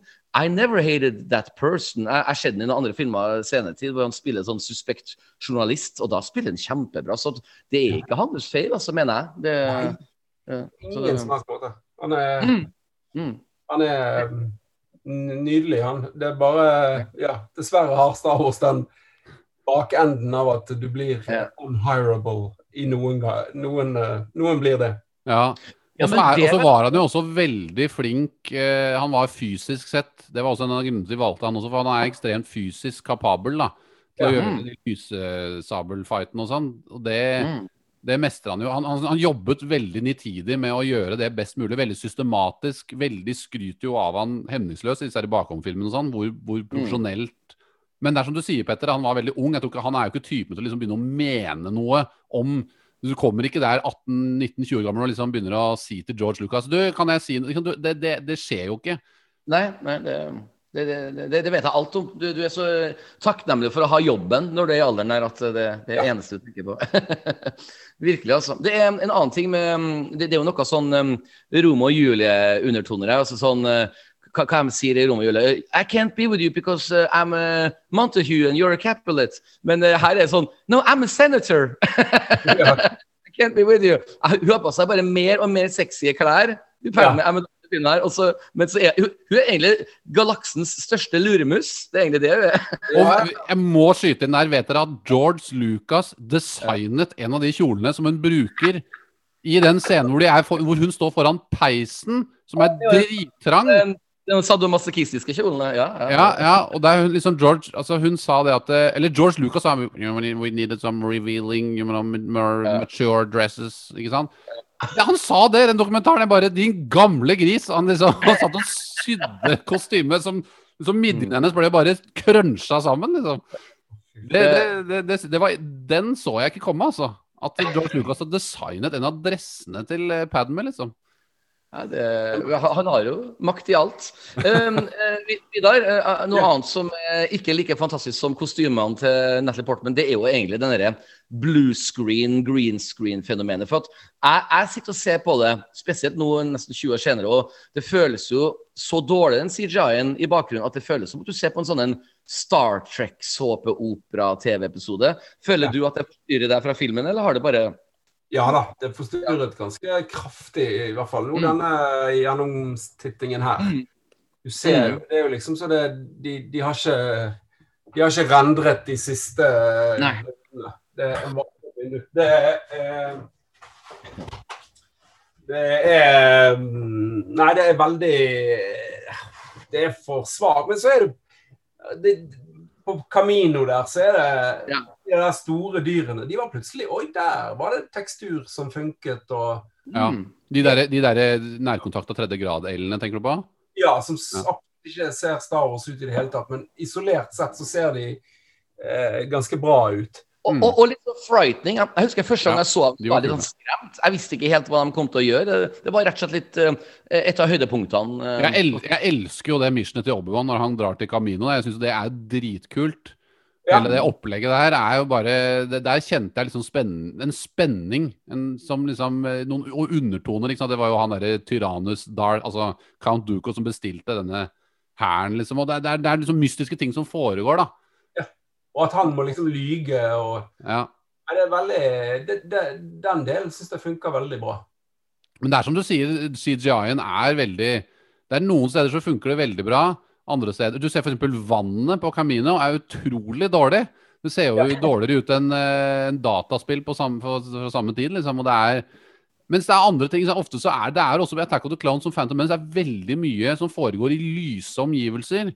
Hvis du ser Ringenes herre, så er det jo mer ting som skjer i mørket. ikke sant? Du kan kamuflere litt sånn dårlig animasjon bedre. og det er liksom det er, det, det, det, det, Mens Camino, når de alienene kommer, så ser det jo bedre ut. Der er det jo litt, det er liksom litt mer fan, fantasi. Det er noe ting skal se realistisk ut på andre bakgrunner. og men man må huske på det at også Attack of the Clones er en kombinasjon av For de bygde masse miniatyrer også til, til Attack of the Clones. For Ja. eh, mye av de der tubene som de går rundt i inne i Camino der, Ja. er miniatyrer. Og den derre Geonosis-stadionen og sånn Ja. er miniatyr. Ja. Ikke sant? Så, og, og så er det da kombinert med dataanimasjon av disse insektene, og så er det da skuespillerne som står på noe sand med masse blue screen rundt. Så det er mange ting som skal liksom limes sammen. Og da blir det liksom eh, Da blir det fort rart, da. I hvert fall med, på den tidens teknologi. ja. Ja, det, det, det, det, det matcher ikke bra nok. Og det er jo det de får til, syns jeg, i store deler av de eh, sequelsene. Ja. At de Mm. Skjønte praktisk eh, animasjon var eh, var, hadde en helt egen effekt. Um, Mm. Ja, ikke sant? Jeg tenker på Unnskyld. Nei, jeg, jeg tenker på, du, nevnte jo at du elsker karakteren Boba Fett. I filmen her så får du jo endelig se Boba Fett som en liten, søt gutt. Var ikke det koselig, Vidar? Jo, det var det, men, men igjen så er det Det er jo alle disse greiene. Trenger vi disse bakhistoriene? Trenger vi, Ja, det trenger er vi veldig bra. Trenger vi Jo, vi trenger kanskje det hvis det hadde vært litt bedre, men det er jo det som var hoved... Altså, før sequelsene kom, så var jo prequelsene en, et latterlig forsøk på Ja. Så, så det, er, det er jo mye der som Men, men, men jeg Nei, jeg arresterer meg sjøl litt, for at jeg syns jo det er, jo- det er jo det som gjør at Dave Filoni nå får meg til å ville se Asoka Tano-serier. For det at de har klart å lage nye strukturer og nye links som, uh, som du tror og føler med. Uh, så jeg, jeg syns jo at det at Boba Fett har hatt den historien, og det er jo en interessant historie, det er det absolutt. Ja, ja, det. ja. Jeg Ja, så jeg på, får- jeg- Nei, Unnskyld. Nei, bare jeg skulle hoppe til en sidelinje, men jeg så nettopp en serie som heter Your Honor på HBO. Mm. Uh, med Bryan Cranston som skal forsvare Han er dommer og skal forsvare sin sønn som uh, utilsiktet uh, kjører på en mafiasønn. Uansett, serien er veldig bra, men han er så full av tilfeldigheter. Mm. Alle episodene, neste liksom plot twist, er en usannsynlighet. At Ja. kan møtes som aldri burde. Sånne ting. Og det, når, når du peprer Star Wars med for mye av de komplette usannsynlighetene, så, så når du et, eh, et Metningspunkt. metningspunkt. Og det, det føler jeg Attack of the Clones dessverre toucher innom når de, når de linker Boba Fett så nært inn til eh, hovedhistorien.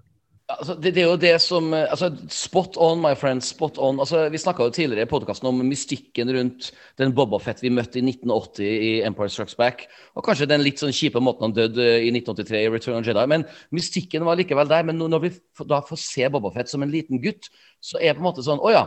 Han, eh, mystikken forsvinner jo på en måte, for nå får vi vite at han var egentlig bare en søt gutt, og hans eh, pappa er eh, ansvaret for alle klonene. Altså, det sånn, det blir, man forminsker universet på en måte med Ja. å sette sammen disse karakterene. Samme som i Phantom Menace, hvor Anakin laga 3PO. Det er jo den Ja. dummeste avgjørelsen i Star Wars sin historie, mener jeg. Den er, den er verre fordi at den har ikke noe hensikt. ikke sant? Den har ikke noe purpose. Men det, det som redder litt den Django Fett og Boba Fett-greiene, er fordi at det er liksom lagt inn Den er litt sånn todelt for meg. Jeg er veldig enig i at det forminsker litt universet. Men samtidig så er den ganske kreativ, den historien. Jeg syns det er litt kult at alle klon, at Boba Fett er jo egentlig en rogue klone, på en måte, som, eh, som Det, det er liksom litt kult òg. Jeg, jeg digger den historien.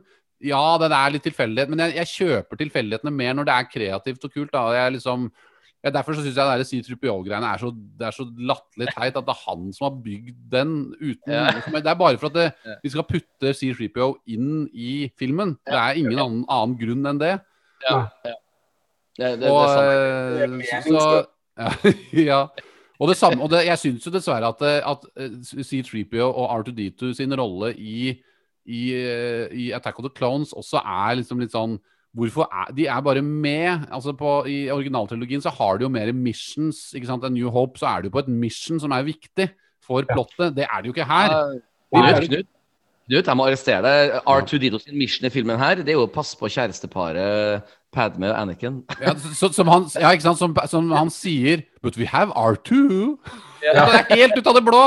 Ok, hva, hva betyr det? liksom? Bare for at vi, vi, som film ah, de har R2, han koselige som vi kjenner fra de gamle. Det er liksom Men, men ikke sant? Han, det, R2 er jo en douchebag i denne filmen, der, for han dytter jo C3PO ut i den der fabrikksamlebåndet. Han er jo drittsekk, Ja, ja, ja. og så flyr han. Men det, det er jo der mine svakheter av humor kommer inn. For jeg elsker jo tørr britisk humor. Og når da 3PO blir med og havner på en sånn en uh, uh, motsatt robot, skulle du si, og Oh, this is such a drag, sier han når- når hodet blir drevet sånn. Da, da, da ler jeg, for jeg føler at Star Wars har plass til litt sånn humor. Det, det var mye sånn artige vitser i originaltrilogien, så akkurat der jeg satt i kinosalen og kosa meg. Men det er for at vi, jeg tror vi trenger litt sånn comic relief. Men du, Vidar, som eh, komiker, eh, føler du at 3PO kom godt ut av filmen her, eller følte du at det ble litt sånn two on the nose, kanskje? Eller Nei, jeg syns jo at det, jeg synes jo det, det, det er tull. Eh, Hele, hele greiene. Det er bare tøys. Men, men jeg lo, eh, eller jeg koste meg, når han sier 'this is such a drag'. Ja, det er tre vitser inn der. Så når han kommer bort bare et sekund av siden, siden, ved siden av seg sjøl, så sier han 'oh, I feel beside myself'. Ja, ja, Ja, ja. ja. Det er en gøy vits. Ja. Men Ja, Hvorfor og- gjør det tre ganger? Ja, og så sier han Die, you Jedi dogs! What did I say? ja, ja den, er, den, er, den er morsomme. Det, det er jeg absolutt enig i.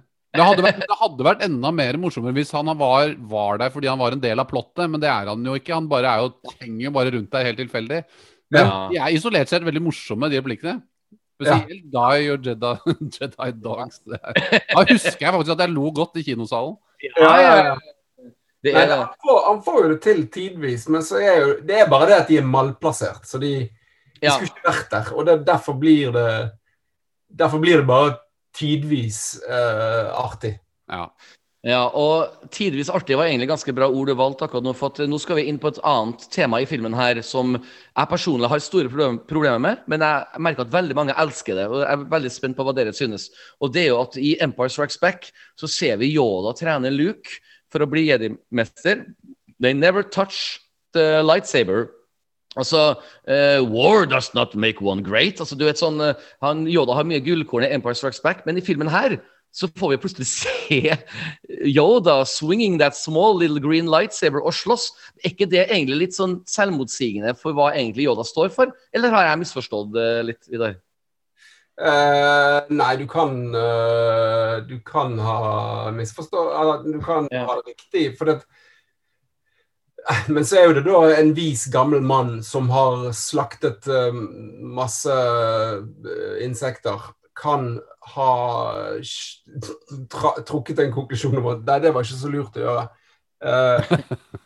Så, så, så man kan jo forandre seg, men hvis man skal gå til kjernen av av uh, karakteren Yoda, så er jo han en warlord her. I aller Ja. høyeste. Og ja, han er det. og, Ja. og, og det er jo igjen uh, uh, grunnlaget for å lage prequels. Vi har lyst til å se karakterer vi elsker gjøre kickass things. Ja, og Ja. Der, der sa det kickass things, for at um, når jeg så filmen på kino, jeg så den tre ganger, så jubla jo hele Oslo Coliseum når Yoda begynte å slåss.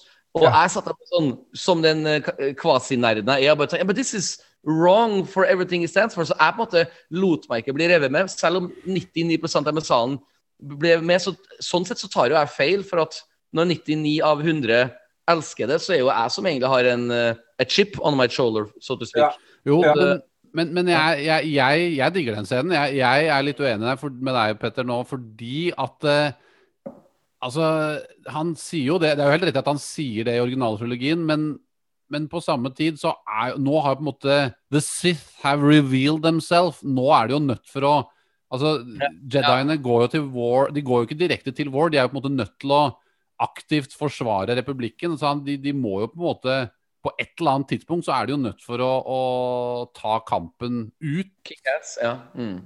Ja, så jeg, jeg tenkte at det ikke for så vidt er selvmotsigende. Men hvis det ikke var noen Jediene vil ikke oppsøke en planet, planet og starte en krig, liksom. Men det er jo ikke det de gjør heller, liksom. Nei, det er helt sant. De redder en, eh, en høy eh, presskoker av en situasjon. Ja, ja Så, så jeg, eh, det er jo the last resort. ja. Litt sånn som Obama når han mottok fredsprisen og måtte bruke hele talen på, fors på å forsvare hvorfor han var midt i to kriger. Ja, jeg skjønner hva du mener. ja. Det, var, det var en meget bra formulert tale. Jeg husker jeg satt sånn låst fast i TV-skjermen og bare Wow! He, he makes this he makes, he, he- He's gonna earn this prize now while still in war. Det, var, det har jo aldri skjedd i Nobels historie, tror jeg. Men, ja. men det, Det det er en- sånn det er jo én ting jeg ikke skjønner helt, og det er det at eh, Hvis dere husker det er en scene ganske tidlig i filmen hvor, hvor uh, senator Palpatine foreslår at Obi-Wan Kenobi skal passe på, uh, passe på Padmay, og Anakin Mm. skal gjøre det. Uh, og så ser jo Yoda litt sånn mistenkelig bort på Palpatine. Det, Mm. det, da tenker jeg liksom at hvis han da først har begynt å mistenke han der, da Jeg vet ikke om det er derfor han ser på det, men da burde han begynne å liksom med sine enormous Jedi powers begynner å skjønne at her er det ugler i mosen. og dette er en, Han er jo en dark lord of the Sith som sitter i et rom sammen med de ti mektigste Jediene. Ingen nobody senses shit, liksom. Ja. Men på en annen, nei, må, må man annen side så Han har jo brukt the dark side til å liksom cloude alt sammen, så det, den kan jeg kjøpe, liksom. Men uh, ja. Men, men Knut, du sa 'nobody senses shit'. Jeg tror du mener 'nobody senses Sith'. ja, jeg er dyslektiker på det. Eh, en, en liten digresjon her, gutta. Jeg, var på, um, jeg har vært på en sånn Star Wars-festival i mitt liv. I Essen, Tyskland, i 2013. Du vet, Mark Hamill var det, Carrie Fisher og så Ian McDermid. Det var han derre fantastiske um, Warwick Davis som var liksom konferansierende på sånn tredagers Star Wars-festival. Og på dag tre skulle de da snakke om uh, uh, episode tre. Og så står han der på, på scenen bare og And now we're gonna talk about revenge of the shit. Han bare It's been a long week, give me a break, guys. 10 000 stykker vet du, i en sånn stor hall vet du, i Tyskland holdt på å knekke sammen. vet du. Jeg tror vi lå i ti minutter, for alle var jo egentlig enige at It was a Freudian slip, for å si det sånn.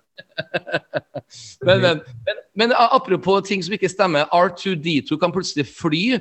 Men det gjorde han plutselig ikke i episode 4, 5 og 6. Kan, kan, noen, kan, Vidar, kan, kan Vidar forklare meg logikken der? Var det en sånn, Han ville ikke vise frem det, eller har han mista rakettene? Eller hva har George Lucas tenkt der, eller har, han ikke tenkt? Du som regissør. Ja, han bygger jo på etter eget forgodtbefinnende, tenker jeg. Ja. Og, så, og så har han muligheten til å gjøre det her, og da tenker han det er gøy. Så kan man Ja. forsvare at han ikke har tatt behov for å øh, fly før den settingen. Ja, men, han har men det var flere ganger i episode 4, 5 og 6 hvor han kunne absolutt ha hatt behov for å Ja, fly. riktig. Altså Du sier at R2D2 kunne for vært den som fløy inn i trenchrunnen og skjøt inn i Death Staren, f.eks.? Ja, altså, jeg, jeg mener bare at så, så, som en filmelsker som jeg er, så vil jeg gjerne ha litt sånn consistency i en eh, Ja. ni episoders filmsaga. Og eh, sånne ting doesn't make any sense. En annen ting også jeg kan eh, ta opp, det er jo liksom at uh, Alec Guinness i episode fire snakker om eh, um, uh, Anakin Skywalker, yes, he was a good friend, sier han. Du får aldri se i prequel-trilogien at de er gode venner.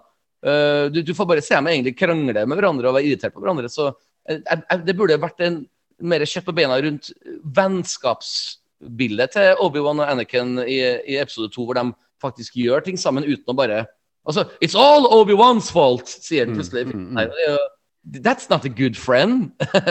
He- he's manipulating, he's using me. He's, altså, altså, han, er- han er virkelig sånn det, det, det, det henger ikke sammen med originaltrilogien. Og det skal ikke så jævlig mye til for en mann som George Lucas å bare se episode 4, 5 og 6 på nytt for å rette opp i manuskriptet som er feil på episode 1, 2, 3. Det er akkurat som, han, det er akkurat som at fansen forstår Star Wars bedre enn han.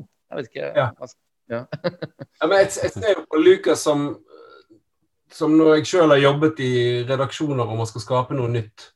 Mm. Går jo man inn da, Den første fasen er jo en kjempediger ja-fase. Mm. Hva er det gøyeste vi kan gjøre? Hva gøy, Ja. gøy? Ja, ja, ja. Og så, men så kommer det en nei-fase etterpå, der man strukturerer det og finner ut. Og det føles på meg som George Lucas er verdens beste ja-fasemann. Mm. Men han, han evner ikke å, å hoppe over til neste fase. Nei. Og det var jo litt sånn Var ikke det det med New Hope at um, han hadde klippet sammen en versjon, og så viser han det til alle regikompisene sine, Mm. Coppola og alle de der, og så Ja. gir de da De, ser at det er noe bra her, men du må, du må kutte 30 minutter av starten, og du må begynne rett på en crawl, og du må Ja. Altså, de fikser jo det for han. De, de redigerer hans materiale. Og, og, og når han da sitter nå med all den nye ekstra makten og bare ja-personer i disse eh, prequelsene, så er du ser, det er, er altfor mange ideer som skulle vært drept uh, tidlig. Ja. Ja, for eksempel, for eksempel så, som du sa i, i, tidligere, Vidar, med moren til Anakin. Det er jo en veldig interessant del av uh, historien til Anakin. Men jeg ville Ja. gjerne hatt mer av det i, i episode to. Jeg vil, egentlig, jeg vil jo egentlig, altså Når jeg ser Phantom Menace på nytt Jeg syns Attack of the Clones er mye bedre enn Phantom Menace, da, for å ha sagt det. Men, men jeg ville jo egentlig ha hatt Jeg ville at de skulle ha møtt Anakin i den alderen han er nå, i episode 1. Eller kan, Mm. kanskje noen år, altså kanskje sånn 15-16-17 år, kanskje. Og så Ja. kunne heller Phantom Menace vært episode null. Altså det kunne vært en prequel til prequelsene heller. liksom, fordi at det, jeg, ville ha, jeg ville ha mer av den reisen hvor på en måte at han lider under at han ikke har sett moren sin på ti år. Det finnes jo en deleted scene for eksempel, fra Attack of the Clones hvor han, hvor han drømmer eller et eller annet om, han, om moren hans, Ja. at, han, at han savner henne. Har sett, han har jo ikke sett henne på ti år, liksom. Det burde vært mer Det kunne ha stått i crawlen at han he's in search of his mother, eller et eller annet sånt. Da. For det er jo de der familierelasjonene, at de dri, drives av av altså det store liksom, universet og republikkens fall og imperiet og bla, bla, det er jo et, selvfølgelig et viktig bakteppe. Men, men den der familiedrivkraften som gjør at det liksom reiser fra et sted til et annet for å finne Luke vil finne Ja. faren sin osv., osv. Han Ja. burde liksom de, de toucher jo på det litt i Clones, og det er jo bra. Han finner moren sin, men ikke sant, det er så, hun dør akkurat når han finner henne. På ti, jeg har ikke sett henne på ti år, så dør hun akkurat da. Hvis de hadde hatt noen flere scener med at han finner henne, det skjer noen mer dramatiske ting, kanskje hun dør litt senere, eh, så hadde den scenen blitt enda bedre. Eller den historien da, med hans mor.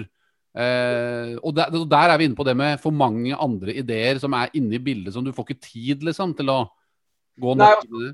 klarer ikke han å, å multitaske. For hvis du hadde da hvis du hadde dratt da morens linje tidligere i eh, filmen, og så eh, mens eh, Anakin og Padme driver og holder på, så hadde Ja. den indre konflikten gjort Anakin mer interessant for Padme. Ja. Nå i de scenene så er han bare et blankt ark som sier jeg blir kjempeglad av å se deg hele tiden. Jeg har ikke tatt stille på. Det er bare, det det- er bare en ren idiot som sikler etter en dame. Og da, men hvis han hadde liksom tenkt på moren og, og egentlig ikke ville ta oppdraget, så hadde han blitt en sexy Clint Eastwood-fyr som Ja. var formelt og vanskelig å komme inn på. Og hun begynte å Altså, det er jo klassisk uh, spill hard to get. Uh, Ja. Det hadde, dynamikken hadde blitt så mye bedre enn de tomme, tomme, tomme scenene. Ja. Men, men det, det er veldig artig at vi har kommet inn på et tema her. For at jeg har laga meg en sånn liten sånn notatblokk her med positive ting med filmen her. For det er absolutt positive ting.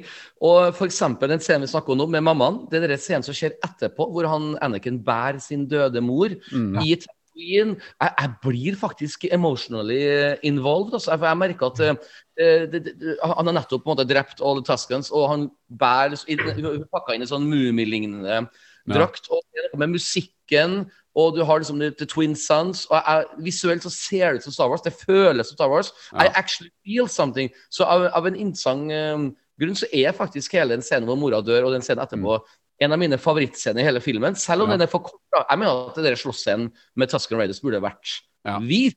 Ja, For det, ja, ja, ja, ja, ja. Som action, ikke sant? Så at, Ja. eh, men Vi jo, burde, jeg- ja, vi burde ha sett mer av hans hat og hans liksom skjulte, skjulte hat. da. Den, Ja. den scenen burde vi ha sett, at han slakter dem ned. Men de har kanskje tenkt at det blir for dramatisk. Da, at dette her vil ikke små unge jenter som er forelsket i Hayden Christensen se. liksom. Ja, det, det er jeg, jeg skrev jo en Star Wars-bok i 2015 hvor jeg hadde et eget kapittel om uh, filmen her. Og et, eh, et lite sitat jeg skal lese høyt nå, er liksom at um, uh, Veldig kort, jeg skal lese her nå. Det er eh, Hvis noen tenker at disse filmene må ha mange barn i visse roller fordi det er barnefilmer, så vil jeg gjerne nevne at filmen også inneholder scener med mord, seksuelle hentydninger, halshugging, kidnapping, tortur, voldtekt, prostituerte, amputasjoner, narkotikasalg, massemord og kjedelige politiske samtaler. Så alt det er jo da også med i filmen her. Og det er jo egentlig en familiefilm, så det, den, den spriker litt for mye i alle retninger. Eh, Den, den klarer ikke å lande på en fast ramme. Eh, Jeg, jeg, jeg, kan tenke meg som du, Vidar, som regissør, så må det ha vært en drømmejobb for deg å bare rydde opp i denne filmen her. Det må nesten klø fingrene dine, vil jeg tro, når du har sett den to Ja, det gjør det noe, det gjør det noe uten at jeg eh, hadde nailet det. Men det hadde, det, man blir helt sånn Fader òg. Du er nær, du er grådig nærmt til å lage noe Ja. Ja. Ja. For du har jo Og det er derfor jeg syns at prequelene på en måte De eksisterer veldig bra som en del av kanoen. Ikke sant? Selv om de er langt unna kvaliteten til originaltrilogien. Eh, Ja. I hvert fall noen av dem er det. Og så er det liksom Så er jo ideene der, de store historietrekkene, er der liksom det med moren til Anakin og og hans eh, forhold til Obi-Wan er det. Men det er, det er ikke nok De viktigste trekkene i historien er ikke nok utforsket. Altså de, de rene, tydelige linjene som vi har i, i, i originaltrilogien, De Ja. blir mer, forsvinner mer i prequelene og eh, vi, visner litt i liksom, eller blekner litt i forhold til alt det andre ideene som skal inn, da. Eh, og, og, og George Lucas, det han er best på, er jo visuell historiefortelling, liksom. Der, der er oh, ja. han jo en av de beste, og der, der syns jeg jo Attack of the Clones er dritkul. For at det, det er mye kule Star Wars-scenarioer. ikke sant? Du har Camino, du har Geonosis, du har Coruscant, du har Underworld oh. Coruscant. Du har masse kule Ja. settings. Der er den mye, mye mye kulere enn Phantom Menace, syns jeg, da. Å ja, ja, ja. Ja. Og, og det det er der vi skal være bitte litt nå, gutta. Vi skal holde oss med positive. Jeg kan starte med uh, The Chase i Coruscant, i Underworld. der. Altså, veldig sånn Blade Runner-ish um, Ja, veldig. scene. Og det, det, det, hele planeten Coruscant har alltid fascinert meg, for det er noe sånn uh, The entire planet is a big city, som vi får eh, vite i Phantom Menace. Så den scenen syns jeg fungerer bra. Det er, en- bra energi. Det, men, men så stopper det opp, og så blir det så klart politisk prat. Men eh, det er jo noe med at den beste vitsen i Star Wars sin historie er jo i Coruscant med You don't want to sell me death sticks. Altså, det, det er jo en, en fantastisk eh, bra eh, linje som folk ler seg i hjel av. You should go home and rethink your life. I should go home and rethink my life. Det er jo rett og slett Den fikk applaus i Oslo Coliseum alle tre gangene jeg så filmen, liksom. Husker du på det? Var det Du lo, du også, kanskje? Ja, den elsker jeg. Det, Ja. det er helt, helt nydelig. Det, det er Eh. noe med Obi-Wan Ewan McGregor som klarer å levere eh, så subtil humor, kanskje, som er ja. jeg lurer veldig fælt på Er dette skrevet av George Lucas, eller er det noen skuespillerne har adliba der og da? Det, det føles Den er liksom så bra. Den er så mye bedre enn mye av andre av humoren som er eh, Prø- Prøvde å si Knut, at det er så bra at du nekter å tro at George Lucas har skrevet det? Nei, nei, jeg tror ikke det. For han er, han er jo en morsom type. Men, mm. Men eh, han er jo han, han er nok ikke den mest Han er ikke en standup-komiker-type. Han, han er jo nerd. Han er en ordentlig nerd, liksom. Jeg tror faktisk at han er morsom på privaten. Jeg har en rar følelse Ja, han, er, han, han er jo en meget intelligent person. Altså, han er jo et geni. Altså, det, det er jo Ja. bare å Men jeg tenker jo sånn i forhold til Nå hopper jeg kanskje, men i forhold til uh, uh, disse nye filmene som der de har castet helt perfekte, magnifikante skuespillere. Oh, så bra Ja. sagt. Ray, Finn, Mm. Poe Alle er liksom det beste av de beste skuespillerne som finnes på planeten. Enig. Eh, Enig. de leverer knallbra hele tiden. Ja. Eh, og, men der syns jeg eh, litt av problemet ligger med Fordi at Star Wars er Det bør være at du har ganske mange Star Wars-terninger i hånden, og så kaster du dem på bordet, og så ser du hva det blir. Mm. Og så håper du på det beste, men vi vet ikke. Jeg syns en sånn arbeidsprosess i dette her er mer interessant. Sånn som når frosken kommer i sesong to av Mandalorian, og jeg tenker hva i helvete? Men så ler du likevel, for det er så jævla teit og absurd. Og det gir en følelse av eh, OK, nå er vi bare på et rart sted, jeg blir med på dette rare stedet. Men når du har den kontrollen til disse mm, finslipte, presise folkene, så mister du den sjarmen uh, som jeg syns uh, spesielt da, Han er jo god, men Ewan McGregor i hele Attack of the Clones Når han ser på en ny trussel, når han ser på den, eh, den eh, seksfotede eh, tar, ja, eh, praying mantis-aktige greien, Ja. og, og, og tenker nå skal jeg vel dø, men så ser du i blikket hans at jeg kommer ikke til å dø, men uff, dette var jo en ny utfordring. Eh, Istedenfor å spille 'jeg skal dø nå', så spiller han 'oi, uff, uff da'. Uh, og det er mye gøyere i denne. Det er prinsesse Leia og, og Han Solo som sjekler mens de blir skutt på. Mm, Denne mm. der lettheten eh, syns jeg eh, bare Den, den fins jo i de nye òg, men at den jeg syns den spilles feil, og det er for mye Det er for, det er for perfekt. Ja. Ja, du, er tenker på, du tenker på Ja, unnskyld. Ja. Nei, nei, Vær så god, Ja, Du tenker på at humoren i, i sequel-trilogien er eh, litt, sånn, litt mer malplassert og ikke fungerer på samme måten som, Ja. i, som i prequel-trilogien? Ja. Altså, eh, humoren i, i, eh, i sequel-trilogiene én til én. Dette mener vi er morsomt. ja, Dette, ja. er morsomt. Dette mener vi er morsomt. I, i, i originaltrilogien så er det utilsiktede humorøyeblikk. Ja, ja. Og Luke skriker 'no!' og sånne øyeblikk som er utilsiktede, men som er nydelig isolert sett. Og i prequels-trilogien så er det enda flere av disse utilsiktede, for du har så mange ræva scener etter hvert. Det har skuespill som, som ikke klarer å, å, å levere. Ja. Eh, I det så er det en eller annen magi. ja, En det, ja. luftethet. Det er, det er veldig, veldig interessant akkurat det der. fordi at det, jeg har jo, så Humoren i sequel-trilogien har vært veldig sånn hit and miss for meg. For at det er litt sånn Det er som du sier, det er veldig sånn proff, tidsriktig Det er litt sånn Marvel-aktig humor innimellom. Litt sånn proff, tidsriktig humor som Noen ganger så er den morsom, mens noen ganger så, så kjenner du at det bare her er det noen profesjonelle folk, humorkonsulenter, som har tatt Sånn Ja. skal det være her. Mens Ja. jeg syns jo at den humoren som ofte Jeg syns jo til og med at i originaltrilogien, når Darth Vader kommer og kveler disse folka, snakker til disse her offiserene, så er jo ikke det ment som humor fra Darth Vader sin side, men, jeg, men det er humor for oss som ser på, fordi at det er bare så Det er noe vittig over det også, når han gjør det. Og den der Luke-scenen, som du sier. og Men, mange sånne eh, vittigheter som, er, eh, som ikke nødvendigvis er tenkt som humor, men som blir det. Jeg har, jeg har et veldig godt eksempel for å støtte Vidar og Knut her. Altså, du har f.eks. Grand Moff Tarkin i A New Hope, når de møter Leia og uh, 'Charming at last'. Og du ser at uh, han skuespilleren som spiller Grand Moff Tarkin, jeg glemte navnet hans akkurat nå, han er konstant seriøs uh, Empire-offiser-ish til stede. Men når du ser da f.eks. The Last Jedi, hvor du har han eh, jeg glemte dessverre navnet på akkurat, men det iallfall når uh, Poe skal Hux. Uh, ja, Hux, ja takk. Når Poe og Hux skal ha en dialog og uh, It's a message here from your mother. Og så ser du han Hux bare sånn We will destroy you. Det, det virker så veldig som sånn Marvel-humor. Du, du føler ikke det. Ja, det blir ikke den gravitasen som Grand Moff Tarkin, som var seriøst i et humorøyeblikk, mens Ja. i uh, sequel-trilogien så blir det bare lett eh, Marvel-ish humor. Og det, jeg skjønner veldig godt hva, hva du mener, Vidar. Det, det, det er to forskjellige former for um, humorsjanger, vil jeg si. Ja, ja det er det Samme- der å gå direkte for vits. Ja. La Ja. vitsen dominere. Men Ja. hvis Ja. de lar ikke vitsen dominere i Det, det blir sjarmerende, og, og selvfølgelig noen Ja. ganger utilsiktet, men ma mange ganger så funker det bare. Ja. Da må, Jeg må nevne mitt sånn Benny Hill-moment i Attack Å, of the Clones. Ja. Er, det er kanskje ikke så mange som tenker på den som morsom, da, men det er jo selvfølgelig da når Anakin og Padme står og Det er ganske kort tid etter ah, det legendariske I Like Sand-moment. Ja. Så, så skal de jo til å kysse. Ikke sant? De nærmer hverandre. Ja. Så, så går musikken da, da, Ja. da, da, da, da, da, da, da, da, da. Og så stopper Ja. musikken plutselig bare opp, rett Ja. før liksom leppene treffer hverandre. Så det blir sånn derre Ja. Benny Hill-sketsj hvor det liksom da, At de klipper Har du lagt merke til det? Det ser Ja, men- så fjollete ja, men- ut.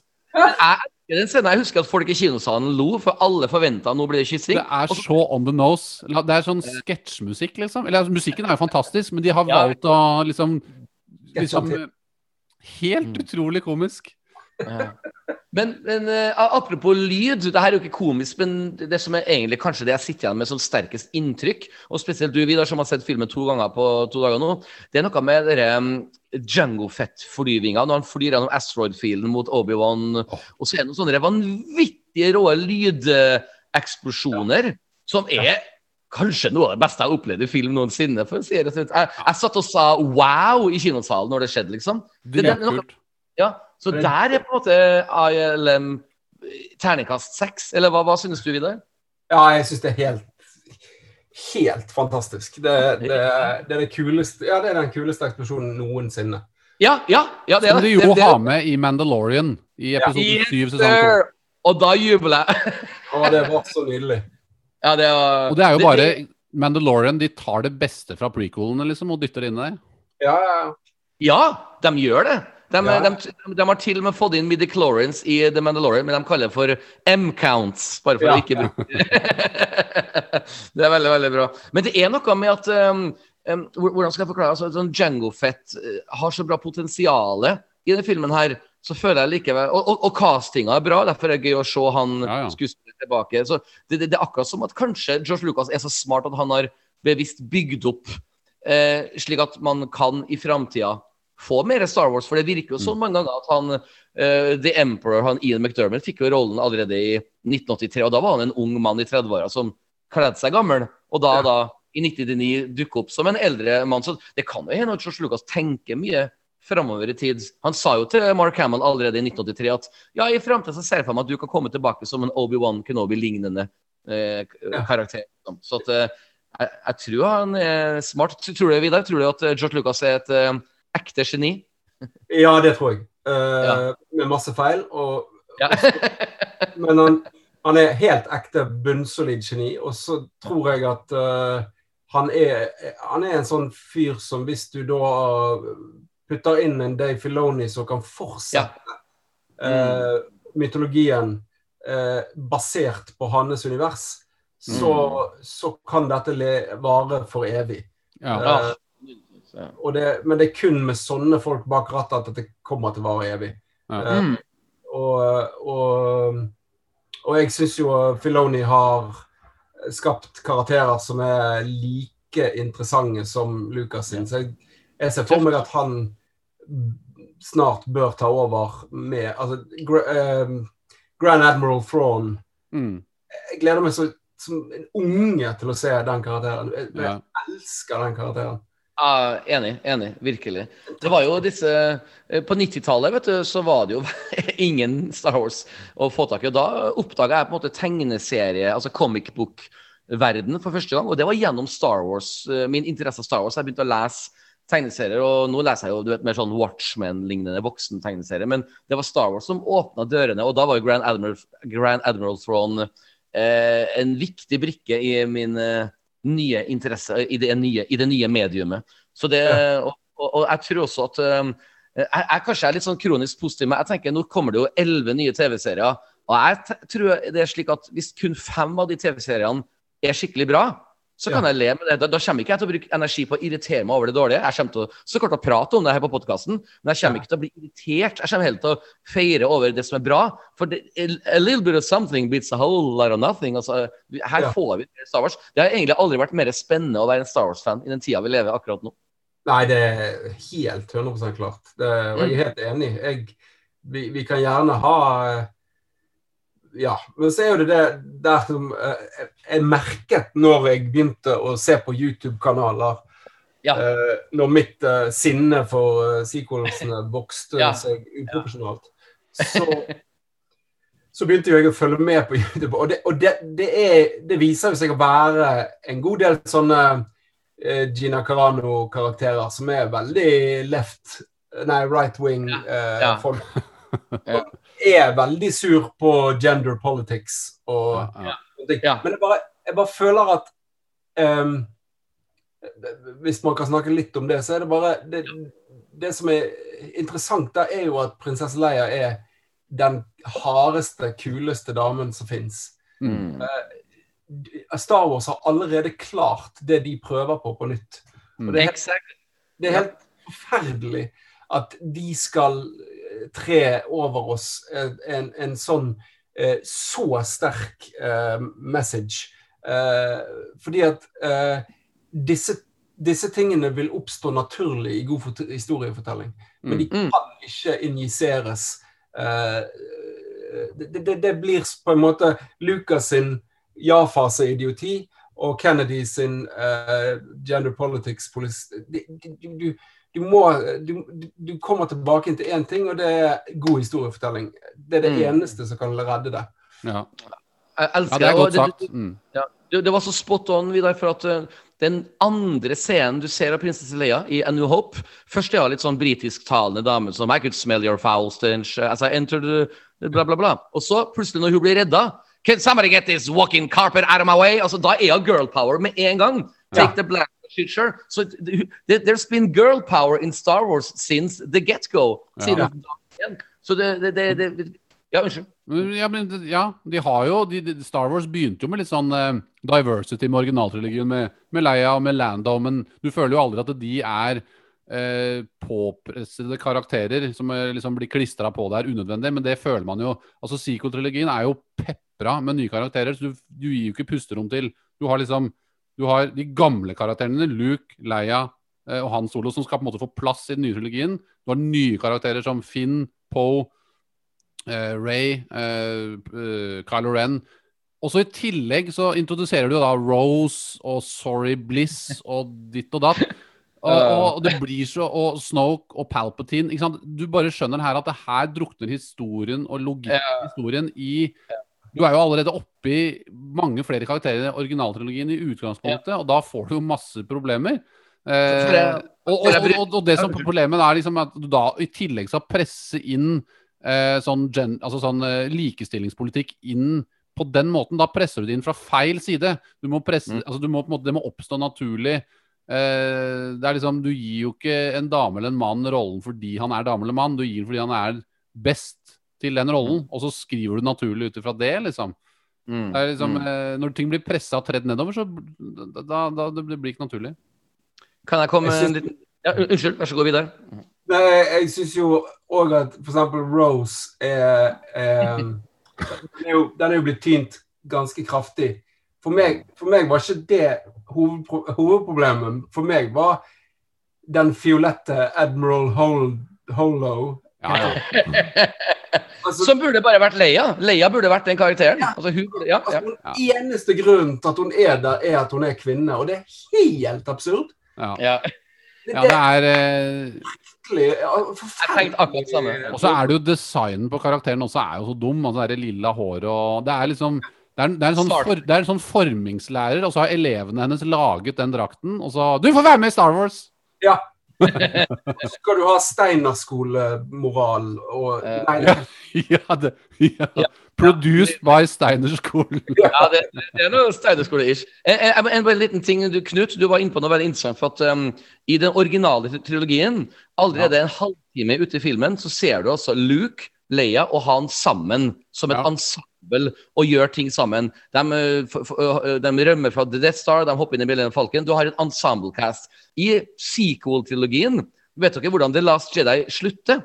Den siste scenen er at Poe hilser på Ray for første gang. Så det vil si at de tre hovedpersonene, liksom Poe, Ray og Finn, de har ikke hatt én eneste scene sammen som et ensemble-cast i de to første filmene. Så plutselig, da når episode ni kommer, skal vi liksom tro på at de har kjemi.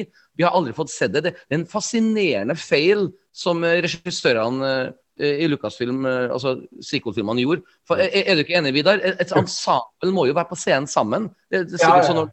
Det er Ja, det, og det er derfor du mister du, du har, du, Livsnerven i hele, Mm. hele trilogien er vekke. For det, det er ikke noe nærhet. Det er bare, Nei. Det er bare enorme set pieces, og så, Yes. og så skjer ting fort. Ja. Altså, det er jo i det minste noe som prequel-trilogien, om enn litt Jeg mener jo at prequel-trilogiens historie, og spesielt også at Attack of the Clones, er veldig kul. Den passer veldig kult inn i kanoen. Det er liksom det er en tydelig forhistorie til det som kommer før. Det er bare at det, utførelsen er litt klønete, spesielt via dialogen. Ja, men når, når, jeg, når jeg tenker tilbake til prequel-trilogien, og liksom setter den i sammenheng, og for så vidt Clone Wars-animasjonsserien, da, og setter den sammen med originaltrilogien, så har jeg på en måte en, en A til Å-linje som er veldig kul å tenke på. Eh, men hvis jeg da fortsetter fra syv til ni, så skjønner jeg jo ikke hva det, Så ender det jo bare opp med ja. det, er bare, altså det, det er bare kruseduller, liksom. Ja, ja. Bare det faktum at det skal være en Skywalker-saga, men i episode 9 så er det ingen Skywalkers igjen. Bare ei dame som stjeler etternavnet. Du skjønner hva jeg mener? Det, Ja. det, det er ingen Doesn't make any sense. Men eh, gutter, eh, vi skal faktisk eh, Jeg skal fortelle dere litt trivia. At Dattera til Josh Lucas hun var en stor NSYNC-fan i 2001-2002. Så hun spurte sin pappa kan ikke hele NSYNC, altså Justin Timberlake og guttene, kan ikke de være med i den jedi-krigerscenen hvor alle de boyband-guttene dukker opp og slåss. Og Josh Lucas sa ja, og de flydde inn en sink til å få hver sine lasersverd og slåss imot disse eh, rare aliensene og robotene. Og det kom en eh, Ifølge ryktene så kom det en eh, Fox-representant eller en ansatt av Lucasfilm som bare sa at eh, den scenen må bare klippes bort, for folk kommer til å bue. Og, og Josh Lucas hørte på dem og droppa hele NSYNC-scenen. Men den finnes i hvelvet en plass. Eh, hvordan tror dere, Vidar, hvordan tror du du har reagert i, når du satt i London eh, som en eh, skuespillerelev og plutselig får se at et boyband får eh, rollene som jediridere istedenfor eh, folk som kan spille? Ja, nei, da hadde jeg blitt sur. Men, det, Ja. det, jeg hadde ikke blitt sur hvis de var clone troopers, sånn som de, sånn som de andre cameoene. Ja, ja, Det er sant. det er en vei å gå. Bra sagt. bra sagt. Jeg tror jeg kommer til å bli litt eh, frustrert for eh, Men, men også, Nei, Det, kan jo ikke, liksom, det kommer jo på hvor kjent man er. da Hvis liksom Stevie Wonder var Kit Fisto, liksom, så er det klart at det, hadde vært litt eh, Man kan bli tatt ut. Og, og, og det er det som er artig, for at Samuel Jackson var jo veldig veldig populær på midten av 90-tallet og, og egentlig fram til nå. Og det at han ble kasta som en kul afroamerikansk skikkelse som det nest mektigste, og, og plutselig tar han opp lasersverdet sitt, og 'this party is over', så er lilla lasersverd, da må jeg ærlig at eh, I drank that Kool-Aid. Altså, jeg bare, jeg digger det. Jeg syns han er kul. Jeg, jeg liker lillafargen. Hvis jeg noen gang skal kjøpe meg lasersverd, som jeg har gjort, så skal jeg ha lilla. Altså, sånn, så at, eh, men det er jo egentlig bare um, så, sånn kid in a candy store. Jeg vil ha mer, bare litt annerledes. Så at, eh, jeg, jeg lar meg bli litt lurt, men uh, sy, hva, hva synes du, Vidar? Blir du, blir du revet med på disse kanskje litt sånn enkle, billige triksene som George Lucas serverer på sølvfat? Nei, men, men det er akkurat det Jeg tror det er bedre formulert nå, men lå innbakt i mitt poeng med at det skal være litt sølete i Star Wars-universet. Ja. Mm. ja. skal søle litt. For det at hvis du ikke søler, så, så er det feil. Men så er det å finne den perfekte cocktailen. Og hvor mye av det tullet skal du ha med? Mm. Og, og hvis du tar det vekk, og bare går for moderne, rettede vitser, så er det dødt. Hvis du går for mye av tullet eh, og surrer det til, så blir det prequels. Hvis du tar akkurat riktig, så blir det disse gode, fantastiske filmene i midten. Og, og, og der må jeg bare bryte inn Vidar, og si at når jeg satt i, på premieren og så The Force Awakens, og de første fem minuttene der, når Poe blir tatt liksom, og sittet ned på knær av um, um, oh, ja, sorry, jeg er fullstendig jernteppe her. Uh, av um, Takk, takk, Kylo Ren. Jeg blir så ivrig at jeg glemmer navn. Og når han sitter på knær, og du kjenner tension, og jeg sitter her liksom on the edge of my seat og bare hva som skjer nå, og så sier Paul liksom bare So who starts? You, you- start a talk, I start talk, it's hard to see with this mask. Da lo jeg så godt, for at jeg, å, det er sånn perfekt Star Wars-humor. Så eh, de, de første ti minuttene der, så følte jeg OK, de har knekt koden. Jeg tok jo så klart litt feil, det ble jo verre og verre med sequel-filmene, men der og Ja. da så følte jeg sånn This is my Star Wars. Altså, det skal være humor, det skal være plass til humor, men det skal være subtil på en slags Star Wars-ish måte. Og... Jeg syns den vitsen var perfekt. Ja! Herlig! herlig. Jeg, jeg, blir så glad, jeg, jeg blir så glad for at du sier det, for du er en profesjonell komiker. Og jeg som publikum så bare jeg mottar jeg satt i sanden og tenkte akkurat det samme. This is perfect. Og det er liksom eh, Ja, men eh, den, så toucher jo noe tonalt helt riktig, syns jeg, i uh, The Force Awakens. Ja, Ja. og det er mye takket være Harrison Ford også, for han har jo mye glimrende timing og masse That's not how the force works! Oh, so you're cold! Det er, liksom, det er jo min favorittreplikk i den filmen, egentlig. Ja, ja, Det, er det blir jo ikke feil å få inn Harrison Ford som Han Solo, liksom. Det er, det er jo Jeg føler at på en måte han er humoren til Star Wars. Den Ja, det er ja. Han gir faen. Han har ikke lyst til å spille i Star Wars. Han driter i det. Jeg vet det. ja. Og det, gir, det grounder filmen på en sånn morsom måte. Ja, det gjør det. Allerede i A New Hope Boring conversation anyway. Luke, we're gonna get company! Altså, det er jo er adlib på sitt beste, liksom. Ja. Det er jo, Det er helt herlig. Og det, og det er jo det han har, Og så er det å finne balansegangen. Han har jo sikkert sagt masse ting som ikke har kommet med på filmene. Som de, og så har det vært noen inn at nei, vi dropper kanskje de scenene hvor han har sagt ting som vi tenker at da blir det for mye. Da heller, liksom renner det over. Ikke sant? ja, og, så, og så har du det klassiske fra Empire Strikes Back, når han, hun sier, Leia sier 'I love you', og han skal si da, ifølge manuskriptet 'I love you too'. Og så på take 9 så sier han bare 'I know', og bare Irvin Kushner, regissøren, bare 'We're keeping that'. For det er liksom Ja. Like a pimp Han Solo just says the right thing. Og det, og det, det det, altså, For å komme med litt sånn konklusjon på filmen her altså det, det er jo egentlig det til og med prequel-trilogien til syvende og sist handler om. Det er nostalgi. For at du har jo f.eks. sequel-trilogien i The Force Awakens hvor eh, bare Han Solo sier den enkle setningen Yeah, I knew Luke. Og jeg får frysninger på ryggen, liksom. Når, eh, for, jeg, for jeg vet historien. Jeg vet hva Luke og Han Solo har gjort sammen i hele originaltrilogien. Og bare sånn, yeah, I knew Luke, and all those force things, it's true, all of it. Og jeg bare blir rørt. Og det er jo egentlig der også jeg føler at Attack of Clones på en måte vinner litt, da, og får faktisk et, eh, et ålreit terningkast. For det, det er mye nostalgi. Du, du, du, får liksom mye av det du allerede liker. Men sølete, som Vidar sier. Det er sølete, det er en sølete cocktail. Men det her er jo tross alt en space-opera, det er ikke science fiction. Så, space opera har lov til å være litt, uh, uh, utskridende, på en måte. Så jeg, jeg vet ikke eh, Ja. følte, Følte du videre at det var mye nostalgi i Attack of the Clones, eller ble det mye, mye, for, for mye fokus på å selge leketøy og, og skape Nei, jeg føler, jo, altså jeg føler jo nå når man har levd med det i mange år, at det, det, det har oppstått nostalgi. Men om det var det når man så det, det, det tror jeg ikke det var så mye av. Men, men, eh, men igjen, det, de har jo tatt den beste karakteren og lagd en historie av den. mm. Og, og det er nostalgi der. Og ja, det, det, det finnes spor, men det, det, det, er, det, det var jo det som var hovedfeilen til prequelsen. Det var jo det at du Den distanserte seg fra uh, hva vi trodde Star Wars var. Ja. Ja, i sånn estetisk også, tenker du på? Ja, og, og, og når du hadde råd til ett uh, Når du hadde råd til ett monster som eh, de landa på i Empire, tror jeg, og så prøver de å spise de. Ja. Eh, Så er jo det kult, men når du har råd til syv eller hva faen fisker i Phantom Menace, så blir jeg så forbanna. For det er, så, det er ikke det vi skulle. Du kan Lag ett monster til, og så ser vi hvordan det funker. Ja, ja. Det er jo interessant, og som Lucas har sagt, at, det, eh, at liksom designen f.eks. på skipene til, eh, til eh, republikken i, i, eh, i Attack of the Clones, ikke sant? de ligner jo litt på Star Destroyerne fra Ja. imperiet sin tid, da.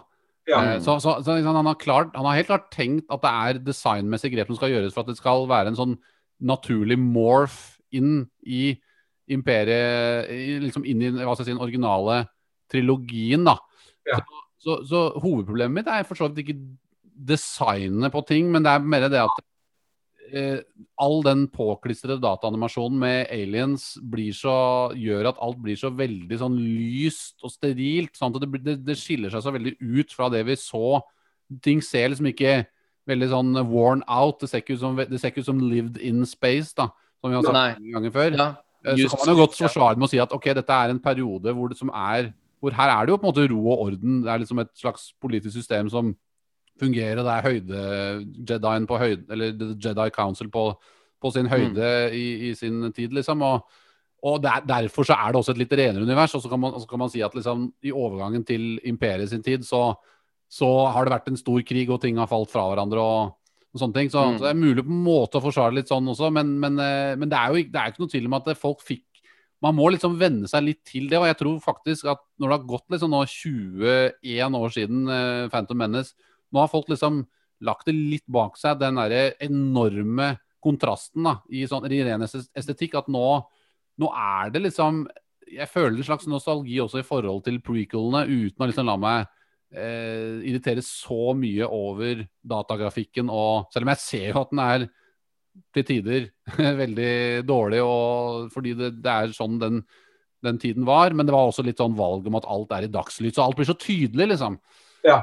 Man ser feilene så tydelig, eller se ser svakhetene så tydelig.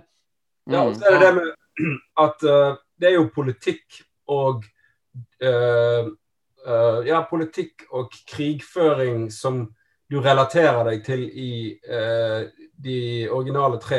Ja. Når politikken blir så eh, relaterbar til menneskeheten som man blir i Attack of the Clones, Ja. så er det òg noe Da mister jeg følelsen av at vi er i et annet univers. Ja. Når du snakker om politikk på den måten at jeg må ha med meg det for å bevege den Og så får vi tatt et valg om det. Eh, Ja. Det blir for nært. Eh, Jeg syns de skulle gått en runde og lagd hele den infrastrukturen eh, annerledes. Ja. Sånn at du kunne kjenne den igjen, men det var ikke samme eh, måte å, å, å lede et univers på som det er som å lede et demokrati. Ja, ikke sant? Mm. Og, jeg syns jo at det, For jeg syns at eh, alt det politiske eh, aspektet ved prequelene, og for så vidt veldig mye Attack of the Clones, er Det er liksom noe av det Altså, det som funker for meg, er de scenene som er i det derre store eh, hva skal jeg kalle det, auditorielignende sakene hvor de har sånne pods de flyr rundt på. Det syns jeg er litt kult, for det er sånn jeg ser for meg at det, det er sånn de ville ha bygd det i det universet. Men så kommer vi på en måte til de scenene hvor de går rundt i sånne venterom, sånne lobby, sånn Las Vegas-lobby-lignende rom, liksom. Ja. Eh, de er altfor kjedelige, de rommene. Eh, de er så, det er så steril og kjedelig. Det er liksom et rødt teppe og en grønn potteplante, liksom, og så et vindu ut mot Coruscant. Det er veldig sterilt. Og der også er det mye sånn politisk prat om eh, liksom He's a murderer, not a political Nei, he's, he's a political idolist, not a murderer, liksom, og sier han derre Sai Bisti. Og så er det liksom eh, Det, er masse sånn derre tørt politisk prat inne. De burde liksom klippet fram og tilbake til de scenene i den der auditoriet når det skjedde noe dramatisk noe annet sted. Og så, så kunne det være liksom litt mer viktige avgjørelser som ble tatt underveis, som hadde veldig mye å si for plottet, i de, i den, i de scenene, da. Eh, og kutta litt ned på alt de derre legekontor... Eh, eh, venteromscenene. Så, så det, det du egentlig prøver å si, Knut, at filmen burde du, du, Det du prøver å si, er at filmen burde hatt bedre regi? Er det det du prøver å si? ja, ja. Helt Men gutta, eh, apropos regi, så har jeg en liten trivia til før vi skal komme videre her. Og det er altså slik at eh, den utrolige artige filmskaperen Kevin Smith, som du sikkert kjenner til, Vidar, han som står bak film som Clerks og eh, Sil Silent Bob Strikes Back og, og lignende, han blir nevnt i kommentarsporet på DVD-en her eh, til filmen her. Og jeg skal forklare veldig kort eh, hvorfor. For at i originalfilmen Clerks jeg tror den er fra 94 eller noen sånne ting, så er det en slags lang Star Wars-debatt i den filmen, hvor man diskuterer egentlig hvor tragisk Return of the Jedi er, for at den andre dødsstjerna som ble sprengt, Ja. det var jo ikke um, uh, Empire-ansatte som bygga den, det var jo eh, k altså innleide uh, arbeidskontrakt eh, Altså sånn ka det? Contractors. Polakker? Ja, ja, på, på en måte. Så, så når da Ewoksene og re rebellene jubler av at en planet sprenger, så dør jo sikkert en million uskyldige mennesker som bygger den eh, eh, andre dødsstjerna. Og det har Josh Lucas lagt merke til, for i kommentarsporet på Attack of Clones når, når vi ser alle disse fluene som flyr rundt omkring, så sier Ja. Oh, by the way, these flies here, those are the ones who made the second Death Star. So Jane Salad doesn't have to uh, complain anymore. Ja, ja, ja. Det han egentlig prøver å si, at disse flueskapningene har mindre verdi og sjel i hans verden enn mennesker, da, om, om det skulle vært mennesker som i. Utrolig artig trivia. Som får, som får meg til å komme til uh, dagens siste utfordring, Vidar. Og det Ja. er altså Vi gir jo alltid terningkast til hver film vi anmelder, men vi gir faktisk tre forskjellige terningkast. Jeg skal Mhm. prøve å forklare det her veldig enkelt. Eh, Du skal nå altså gi ett terningkast til filmen som eh, om den skulle stå på egne bein, altså som en enhetlig opplevelse. Du Ja. skal også gi eh, terningkast til filmen som en del av en trilogi. Og så skal du rett og slett gi et popkorn-terningkast. Det er altså sånn ø, ø, um, om, om det her er en popkornfilm eller ikke. sånn du vet at det er konstant det er visuelt spennende slik, og du vil bare kaste popkorn i, i munnen hele tida. Så Ja. vi kan jo starte Vi går runder, men du skal få, som gjest skal du få lov til å være første. Men som okay. en enkeltstående film, eh, terningkast fra én til seks, hva, hva vil du gi eh, Attack of Clones? Og, og bare kom med begrunnelser også, så hvis du, du ikke bare vil si et salg. Som en enkeltstående film. Eh, da vil jeg gi han en sterk toer. uh, den den uh, er ubehjelpelig i de første to aktene av eh, episoden, men han toucher innom spennende ting. Mm. Den har en fin avslutning som ødelegges av unødvendige karakterer som Mm. og Artodeto og, og ender greit. Uh, men, uh, men som enkeltstående Altså, du klarer ikke å gripe publikum med det makkverket som foregår i Mm. forkant der. Så, så, så han faller nok ned på en eh, sterk toer, ja. Knut Løksen, enkeltstående terningkast. Enkeltstående film. Eh, altså, enkeltstående Star Wars-film. Jeg syns at eh, Ja, det er ikke en del av en trilogi. Eller, eller, eller, eller film generelt. Trenger ikke å være enkeltstående Star Ja. Wars, bare som, som én altså- film. Nei, altså det er, det, er, det, er, det er veldig mye svak dialog, men det er veldig mye kul Star Wars-action. Mye mer kul Star Wars-action i denne her enn i Phantom Menace, som jeg jo ga en toer. Så jeg er nødt for å komme opp på en, eh, en eh, sterk treer, egentlig, på Attack of the Clones. eh, Som en enkeltstående Star Wars-film. Ja. Nei, da, da sier jeg det samme som Bare Egil altså, sa. Bare Egil-band eh, Fame. Han sa altså at hvis jeg skal ta et ternekast mellom én til seks, hvor fem ikke eksisterer, så gir jeg tre. Så,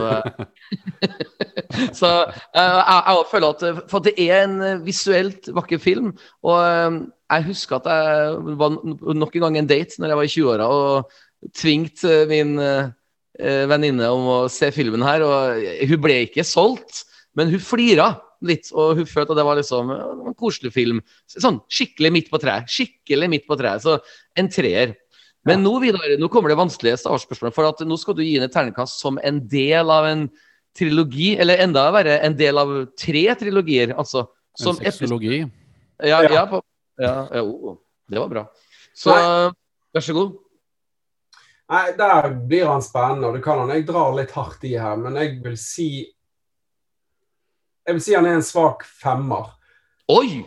Fordi at Oi. han, er, Oi. han, er, han har alle de riktige elementene Mm. for å bli uh, en knallbra uh, Han kunne nesten blitt en Empire Strikes Back.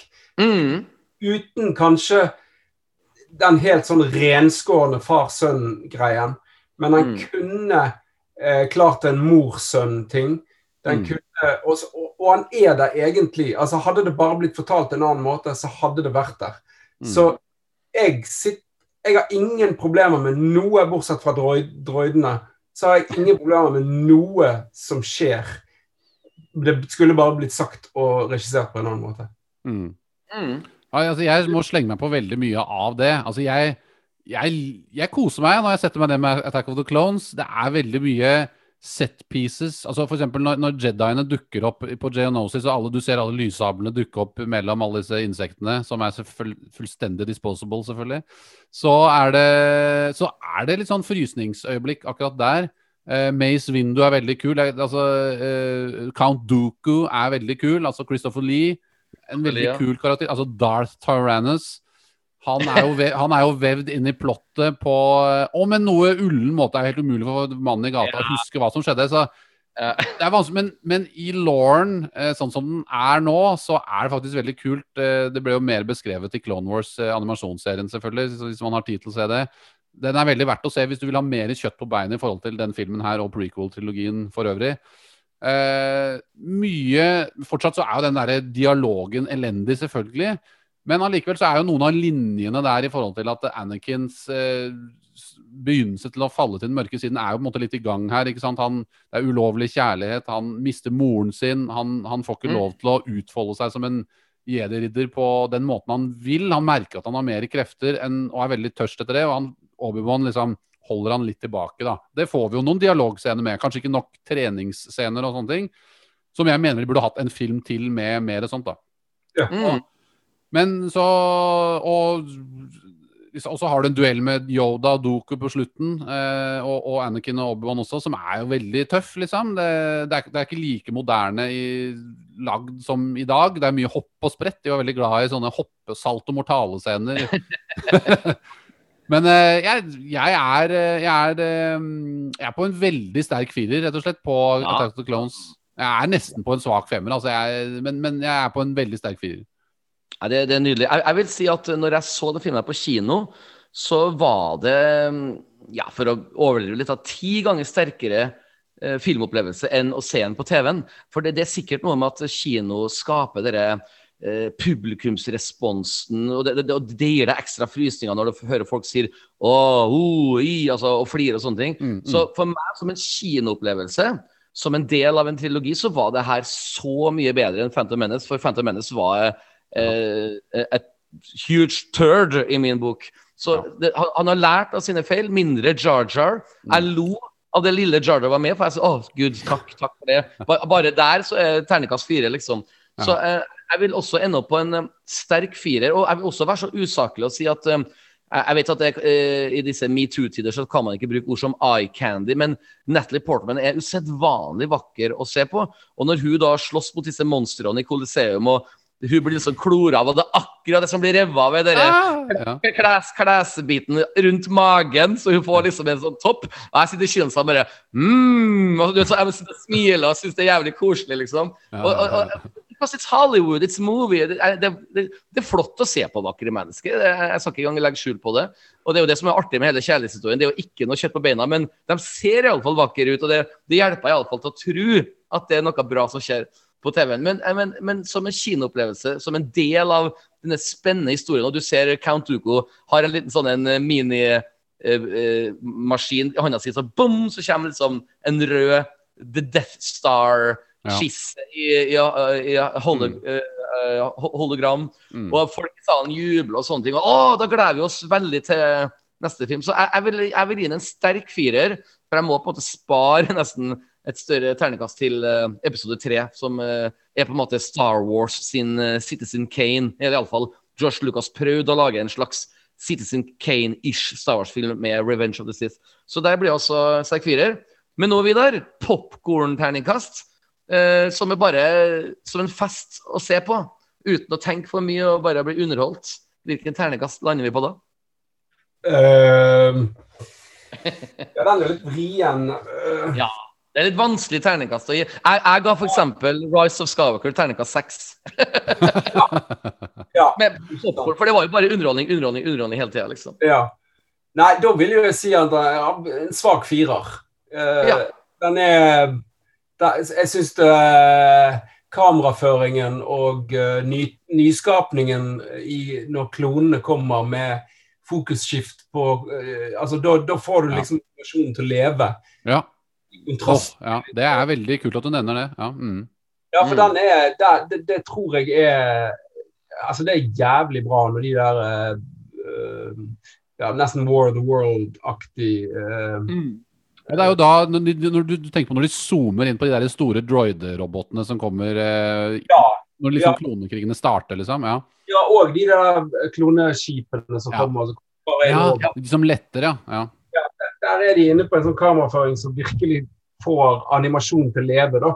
Helt Mm. enig. Ja. Kast til store bilder med flåttkuer som dør totalt. Og når de filmer klonetroppene fra baksiden, når det er mye røyk, og så filmer de dem litt fra baksiden, så du virkelig føler at du er inni krigen, på en måte. Altså det blir Ja. en sånn eh, interaktiv eh, opplevelse, nærmest.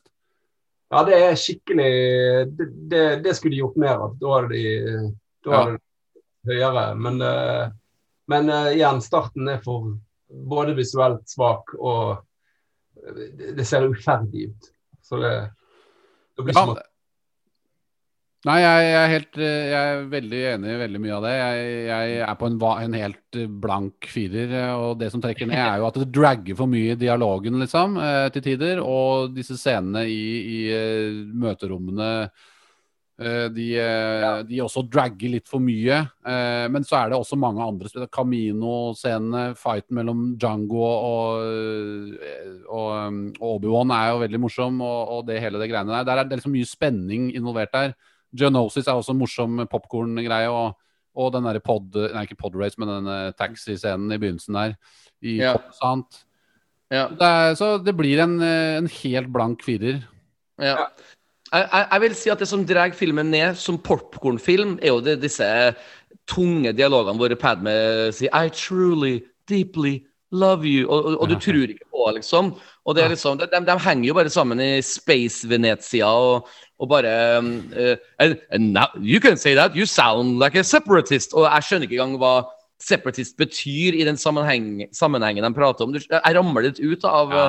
Eh, dialogen. Han, han- han støtter et uh, fascistdiktatur, liksom, men som tidligere nevnt, tre dager senere så gifter de seg. Altså, du vet sånn, det er sånn jeg, jeg får så mye spørsmålstegn at når jeg sitter med popkorn, så bare kaster jeg popkorn tilbake ned i eska. bare uff, setter fra meg popcorn, for jeg, jeg skjønner ikke hva som skjer. Så der har du på en måte mitt problem. Så som popkornfilm så vil jeg dessverre gi den en treer, altså. For at det er noe Og det, det er bare noen sånne settinger jeg ikke skjønner når Padme ramler av um, den der lille romskipet um, um, i, uh, og lander ned i sanda. Og så blir hun henta av to clone troopers. For de, de er på jakt etter uh, Christopher Lee, vet du. Og, hun bare We have to get to that hangar!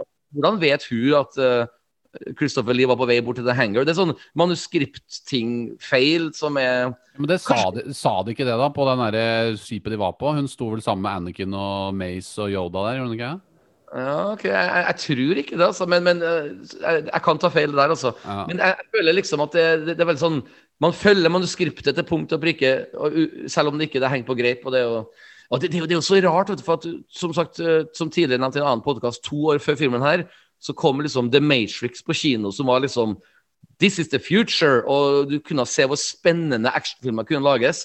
Og da merker man liksom at uh, Attack, Attack of Clowns som popkornfilm har allerede gått ut på dato, to år etter Matrix, på en måte. Ja. Så at, eh, det, det, det, fascinerer meg, for at eh, han har ILM bak sin rygg. Og, eh, men det skal sies da at George Lucas vurderte at alle prequel-filmene, altså episode 1, 2, 3, skulle opprinnelig regisseres av andre folk, men så bare sa han en eller annen gang Fuck it, I'll do it all myself. Og det er jo en feil, vil jeg si. For at, Dank Farrick. Dank Farrick, rett og slett. Altså. Men, ja. men, Nei, men, de, de, men altså Når jeg har sett noen av de bakomfilmene, så har jeg sett liksom hvor, hvor, hvor mye folk som jobber med produksjon, hvor mye de respekterer George Lucas. Ja, Ikke sant? ja. Det har, har folk som lager f.eks. den derre Jedi-fighteren som Obi-Wan kjører rundt i. Ikke sant? Så var det en fyr som designa det skipet. Er, er det OK at eh, den blir, kommer fra, en, fra oversiden, oversiden, den R4-uniten, og ikke, ikke fra undersiden, sånn som det pleier? Og så kommer George Lucas inn liksom på rommet der og liksom yeah. tester og ser hvordan yeah. den R liksom passer. Fordi at de, han er liksom opptatt av detaljene i sitt univers, i sitt visuelle univers. da. Og det er der jo genialiteten til eh, George Lucas virkelig skinner. da. Og, Ja, de respekterte han. Liksom, de var, alle var ja-mennesker rundt han, ikke sant? Og Dette var jo bare et eksempel på noe som var kult, da, men, eh, Mm. men, eh, som ble kult i filmen. Men, men de, de jobba jo de jobba seg i hjel med Det var jo den mest avanserte Star Wars-filmen de hadde laget til dags dato, 'Attack of the Clones'. Absolutt. Eh, I forhold til eh, animasjon og effekter. Og miniat masse miniatyrer. Mye mer enn det folk faktisk veit. Mm. Eh, og det, det, er, det sier jo noe om at de også brukte jo fysiske ting, men det er bare at det er jo Det blir overlessa med, med datating, selvfølgelig. Men, men allikevel så kommer den bedre ut enn Phantom Menace der. For der er det litt For det første, Jar Jar Binks er jo en animert uh, klodrik, liksom, som, eh, som er helt umulig å, for meg i hvert fall å like. Jeg, er så sær, Vidar, at uh, som uh, jeg, jeg skal ikke kalle meg for kunstner, men jeg, jeg skriver jo låter og alt, alt det der. Og når jeg av og til får en bra tittel, så er på en måte halve jobben allerede gjort. Så jeg tror liksom at hadde filmen her hatt en bedre tittel, så har den kanskje fått en eh, bedre skjebne. Er er jeg ute og sklir, eller? For det, det er jo liksom det er en elendig tittel som trekker Ja, nei, jeg, jeg tror du er helt uh, inne på noe. Det, det, altså, hvis man kunne gått inn på noe i kjernen til Anakin Mm. Skywalker, så tror jeg mye hadde vært løst. For det, Mm. bunn og grunn så er jo det den historien vi forteller. Ja. Og, Mm. og, og, og du er nødt til å lade den karakteren riktig, skal han få den utviklingen han skal. Mm. Eh, Mm. Så blir det andre mindre interessant, og dessverre så har George Lucas hatt altfor mye fokus på hva som skjer rundt den karakteren, istedenfor hva som Ja. skjer i den karakteren. Ja. Jeg har et uh, siste spørsmål til deg, Vidar. Nå har du sett Ja. Attack of the to ganger på to dager. Uh, når blir neste gang du skal se den? Åh, nei, det, det blir en stund. Ja, ja. Men det er litt sånn for meg nå at jeg, jeg kan se disse originale. Mm. Jeg, jeg, jeg, kommer, jeg, tror jeg har fått Jeg kommer ikke til å se de siste tre igjen, tror jeg. Jeg klarer ikke det. det, det jeg, eh, Nei, det, det skjønner jeg godt, fordi at eh, jeg, altså jeg er jo veldig fan av Force Awakens og veldig mye av Last Jedi, men, men det hjelper ikke når det ender så svakt. Eh, prequel- Prequel-trilogien for meg ender veldig bra. Eh, I hvert fall mye av det. Og, og, og når, når enden er god, så er alt en godt. Det er jo veldig klisjé å si det, men det, er- det, det er det jo ikke det samme med sequel-trilogien. Derfor så blir, Når du begynner på nytt på Force Awakens og vet hvor det ender, Ja. så, så er hva, hva er poenget, liksom? Men det, føler jeg, det føler jeg ikke med prequel-trilogien. Jeg føler ikke Det kan, Det begynner jo med prompende analkameler og Jar Jar Binks som lukter på prompen den, liksom. Jeg, jeg, jeg, liksom men jeg allikevel så veit jeg hvor reisen ender. Ja. Det blir bedre, ja. Ja, og, og det, det hjelper så jævlig, da. Og det, det, det, derfor så kan jeg liksom sette på prequel Jeg tror jeg kommer til å se prequel-trilogien oftere enn jeg gjør med sequel, faktisk. Selv om Ja. skuespillet er bedre i sequel-trilogien, det er bedre regi og bedre dialog, mer, bedre effekter, selvfølgelig, men det er jo Ja. ja. Ja, men det, det her er veldig interessant. Som tidligere nevnt, jeg er jo en sånn fan som ikke um, kjøper duppeditter og ser på filmene så mye, men jeg bare får et slags klisterhjerne når jeg ser Star Wars på kino. Som f.eks. The Rise of Skywalker. Jeg kun ser den to ganger i mitt liv. Jeg husker på absolutt alt, på, på både godt og vondt. Og det, men det er jo som sagt praten, det er artig, men jeg merker allerede nå at det er artigere å prate om prequel-filmene enn sequel-filmene. Så Vidar, du har helt rett. altså det Sequel-filmene til syvende og sist ble en artigere opplevelse, som også Knut nevnte, fordi at det er en bedre Vi vet at det blir en tøffere avslutning i episode tre enn eh, det tullet som foregikk i Russell Skywalker. Jeg, jeg vil gå så langt og si at JJ Abrams ja, ja, men jeg, jeg vil bare si at JJ Abrams gjorde seg sjøl en bjørnetjeneste med å takke ja til å regissere episode 9, for hadde han kun regissert episode 7, så hadde han, had, hans eh, eh, filmografi-legacy stått på mye bedre bein. Altså, for at det, det, det vært en ripe i lakken for JJ. Du vet altså. jo alle hvem som skulle regissert den. Det er jo Vidar Magnussen. Ja, faktisk. Med- faktisk. Ja. Med Per Sundnes. Du vet, per Sundnes var gjest forrige gang, og han har jo faktisk fått han, Hva var det han sa for noe? Han, han fikk en forespørsel som han ville si nei til, og så ga han en sånn helt usannsynlig krav som han aldri trodde ble noe av. Og det, ja, hvis dere skaffer meg en rolle i en eller annen Disney-produksjon, så skal jeg bli med på dette. Og så gjorde dere det, så fikk han liksom en eller annen, Han fikk en stemme i Frost, i Frost, eh, norske utgaven. Og så tenker jeg bare, tenk om han bare fortsetter med disse kravene, og så ender jo Per Sundnes opp i Mandalorian. Og eh, da gir jeg utfordringen videre til Vidar. At du, hvis du får noen sånne forespørsel at du ja, Mitt krav er at jeg vil regissere en Mandalorian-episode, så får vi Ja. både Vidar Magnussen og Per Sundnes i samme episode.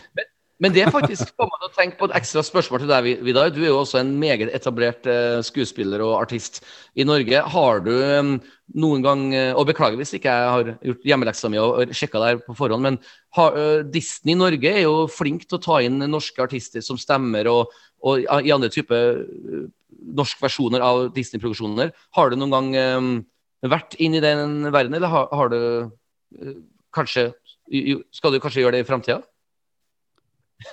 Må jeg svare så Ja. Ja. uh, Jeg traff en nerve. Ja. Ja. Eh, jeg vet ikke Altså, jeg har et helt konkret svar. Ja. Det er veldig konkret. Og som har vært altoppslukende i en lang nå. Mm. Men den eh, Den kommer mest sannsynlig aldri til å bli snakket om noen steder i verden. Mm.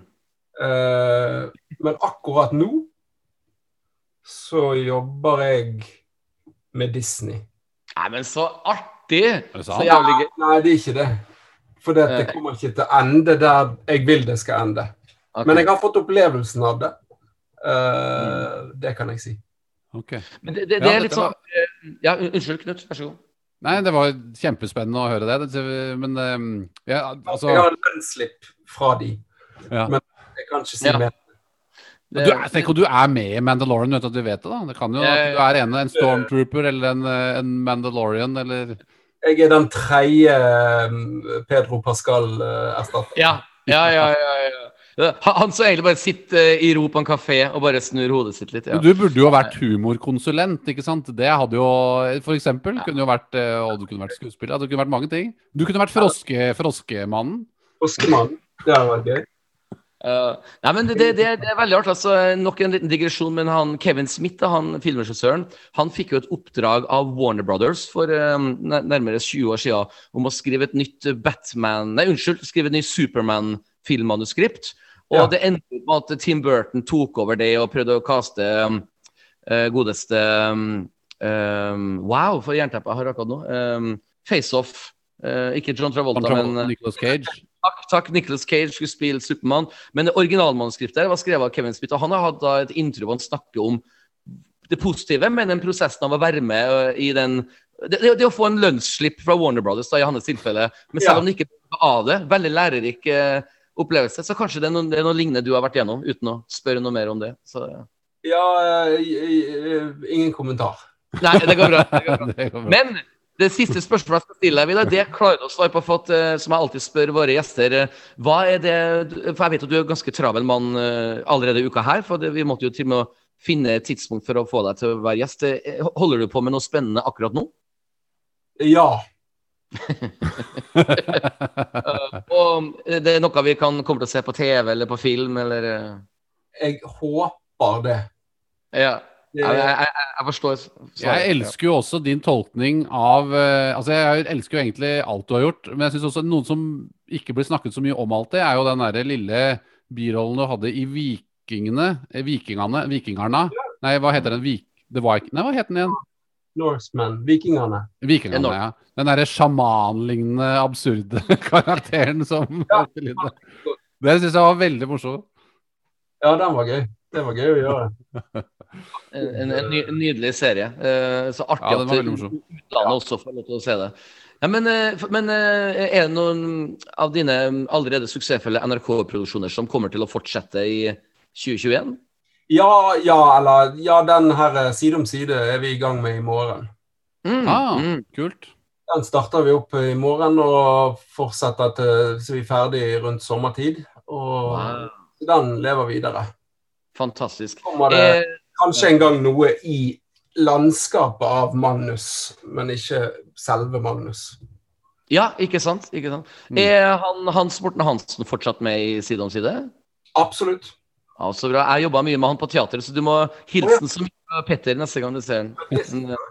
En, en, en, ja, en, en usedvanlig intelligent uh, mann når man setter seg ned og prater med han. Det er helt uvirkelig hvor mye uh, humorkunst en mann der uh, sitter med. For han er så ulik meg, for jeg har veldig mye energi, og han er så motsatt. Men likevel så er han ti, ti ganger morsommere, og det der fascinerer meg hvordan han klarer å være morsom med, med lav energi. Det Ja, han, er, han er unik. så artig.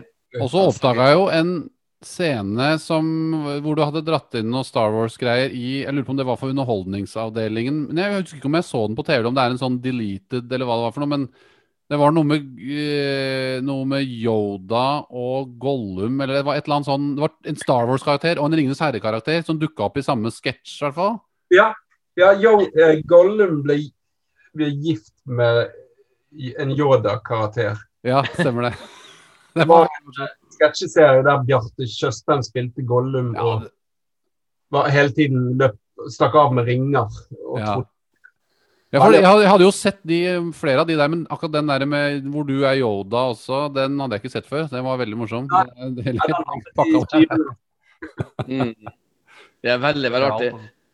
Jeg, jeg må jo bare si Vidar, at uh, det er kjempestas for meg Knut, at du takka ja til å være med på det her. Vi, vi har mm. altså en kjent nordmann uh, i hver episode, og du har absolutt vært uh, høyt, om ikke øverst altså, på lista. Knut har jo jobba i din, en, din produksjon på Book of Mormon, og Knut sa til meg du, du må bare få tak i Og det som er artig, er at vi har vel en felles venn i Lars Undli, ikke sant, Vidar? Han er naboen av deg.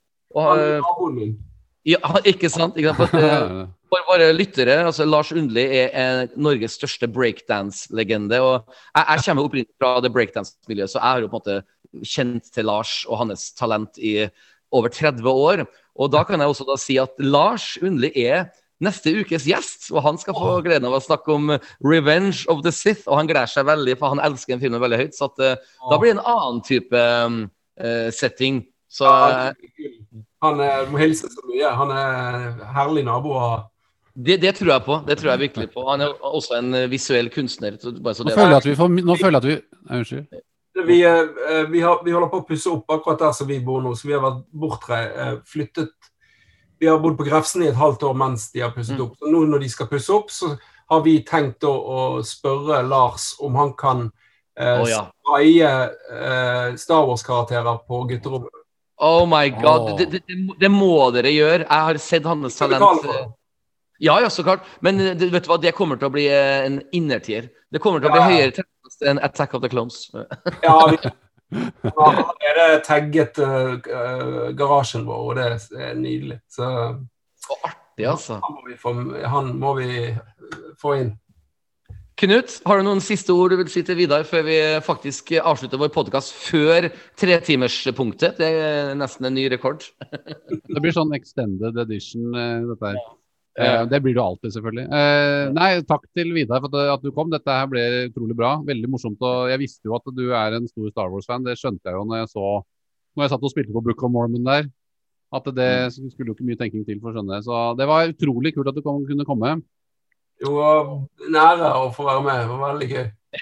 Vel, og velkommen tilbake, Jo. får vi jo si også. Når eh, det kommer jo Det er jo morsomt når jeg og Petter ikke sant, vi har sittet og snakket om de nye tingene, Mandalorian og sånn. ikke sant, Nye episoder som kommer. Det er jo også en En ting er jo å snakke om de gamle filmene, men en ting er jo å snakke om de helt ferske tingene også. altså Det kommer det mye av i mange år. Vi har så mange timer vi kommer til å sitte på disse kontorstolene våre i, i de nærmeste tidene. her. Jeg er en telefon unna. Det er bare å Ah, melde ifra. Ja, det, ja, det det var veldig hyggelig, Vidar. Tusen, tusen hjertelig takk. Har du noen siste gullkorn eller noen siste Star Wars-ish-ord du vil si før vi avslutter podkasten? Nei, jeg vil egentlig bare si uh, dette har vært tre, tre nydelige timer. Vi, uh, jeg kunne ikke tenkt meg bedre timer enn akkurat dette i en, uh, i en et, et, kokete uke. Så det var herlig. antrekk. ja, det er veldig bra. Og så se på sånn idioti. Det er så gøy òg. Å bruke tiden på Attack of the Clowns. Ja. ja. Veldig bra. Bruke tre timer på å snakke om dårlig dialog. Ja, ja, ja. Men, men, men det er det artige, for at jeg, jeg er veldig glad i å gå turer. Jeg, jeg er 42 år nå, så jeg er blitt sånn gammel mann som liker å gå turer. Og når jeg skal hente kiden i barnehagen, så bruker jeg en ekstra time bare for å gå. For jeg merker at hjernen min blir så stimulert av det. Og da har jeg en tendens til å begynne å humre og le av artige ting jeg har sett, som så eksempel Attack of the Clones. Så at Ja. det er jo litt sånn balsam for sjelene her å bare få inn disse tullete filmene på, uh, Man kan jo til og med få ideer til andre. Vi er jo alle Vi er jo, jeg, vi er jo musikere, Petter. Og du er jo skuespiller, da. Og Vidar er jo kunstner og skuespiller og regissør. og Vi, vi kan jo til og med få ideer i vårt eget materiale av å snakke om ting. Fordi man ser jo hva andre gjør feil. Man kan få ja, man bør gjøre det sånn og sånn. ikke sant? Så dette er jo inspirerende. Og jeg mener jo også at uh, fankulturen til ting som f.eks. Star Wars da, er jo med på å drive ting framover. fordi at det, de er jo klar over at de har mye fans rundt omkring i verden, og de kan på en måte heller ikke ignorere de stemmene Altså, man kan jo selvfølgelig ikke basere en film på fanpleasing, men man, det er nok viktig at det, den fandrivkraften er der i bunn og driver ting fremover. Mm, mm. Ja, Det er det, er det samme som et fotballag. Hva er Liverpool uten fansen, liksom? Det er ingenting. nei. Ingenting. Det, det var egentlig en ganske bra beskrivelse. At um, det å være Star Wars-fan, det er nesten som å være Jeg kan ingenting om sport, da, bare så det er sagt, men altså, det å heie på et respektivt lag, det I vårt tilfelle så er Star Wars vårt fotballag, så om Mm, det er en dårlig ja. film ja, vi synes det, det er det samme som en dårlig kamp, men vi fortsetter å elske laget, altså i vårt tilfelle av Star Wars. Så det, det er kanskje det sånn det er. Jeg har én siste ting. Ja. Ja. Dette har jeg tenkt på hele veien. For at nå, nå driver vi og snakker på Zoom. Ja. Så jeg, jeg, jeg tror vi har et felles skjermsparerbilde. Har vi det? Av en, av en uh, fugl? Stemmer det? At vi har en felles hva for noe? Altså, det, det, det, den skjermen vi ser på nå, ja. Det Det, er det er en måke. ja. Eh, Ser dere det? Nei. ja så, jo, jo, jeg jeg er sånn. Jeg er sånn. Ja, Absolutt. å ja. ja for Ja. det, jeg har, og da, det var ikke mitt skjermsparebilde, men, men, eh, men jeg hadde den oppe, og jeg trodde at siste spørsmålet var hvilken Star Wars-figurer ser du i dette bildet? Jeg, jeg, leit. Å ja! Du snakker, det er fordi jeg har delt skjermen min med den måken ja, som sitter Ja. på det reiret. Jeg, jeg fant Yoda i steinen, og så fant jeg uh, uh, General Grievous i reiret. Jeg var sikker på at det var siste testen. Så du har sittet, ja, ikke sant? Men dette her er jo tanken. Dette er jo tanken til en genial mann. ikke sant? Man begynner å forberede seg på noe ikke sant? og tenke geniale tanker om noe. Du har jo nå funnet masse genialt i et bilde som ikke møter noen ting. Kanskje Maybe you have foreseen the future. Kanskje det, det kommer i en framtidig Mandalorian-episode. Ja, ja, ja. Jeg tror så absolutt. Uh, eh. Vidar, may the funk be with you. Det er det vi sier her i bandet. Ja, i like så måte. Håper du, like får en måte. Håper du får en fantastisk 2021, og at uh, covid-19 eh, sørger for at du får et uh, teaterpublikum snart, uh, snart, så vel som et TV-publikum. Jeg håper det, og håper konserter går flytende fint. I am the Senate. I Nei da. Så Ja, så Nei, altså.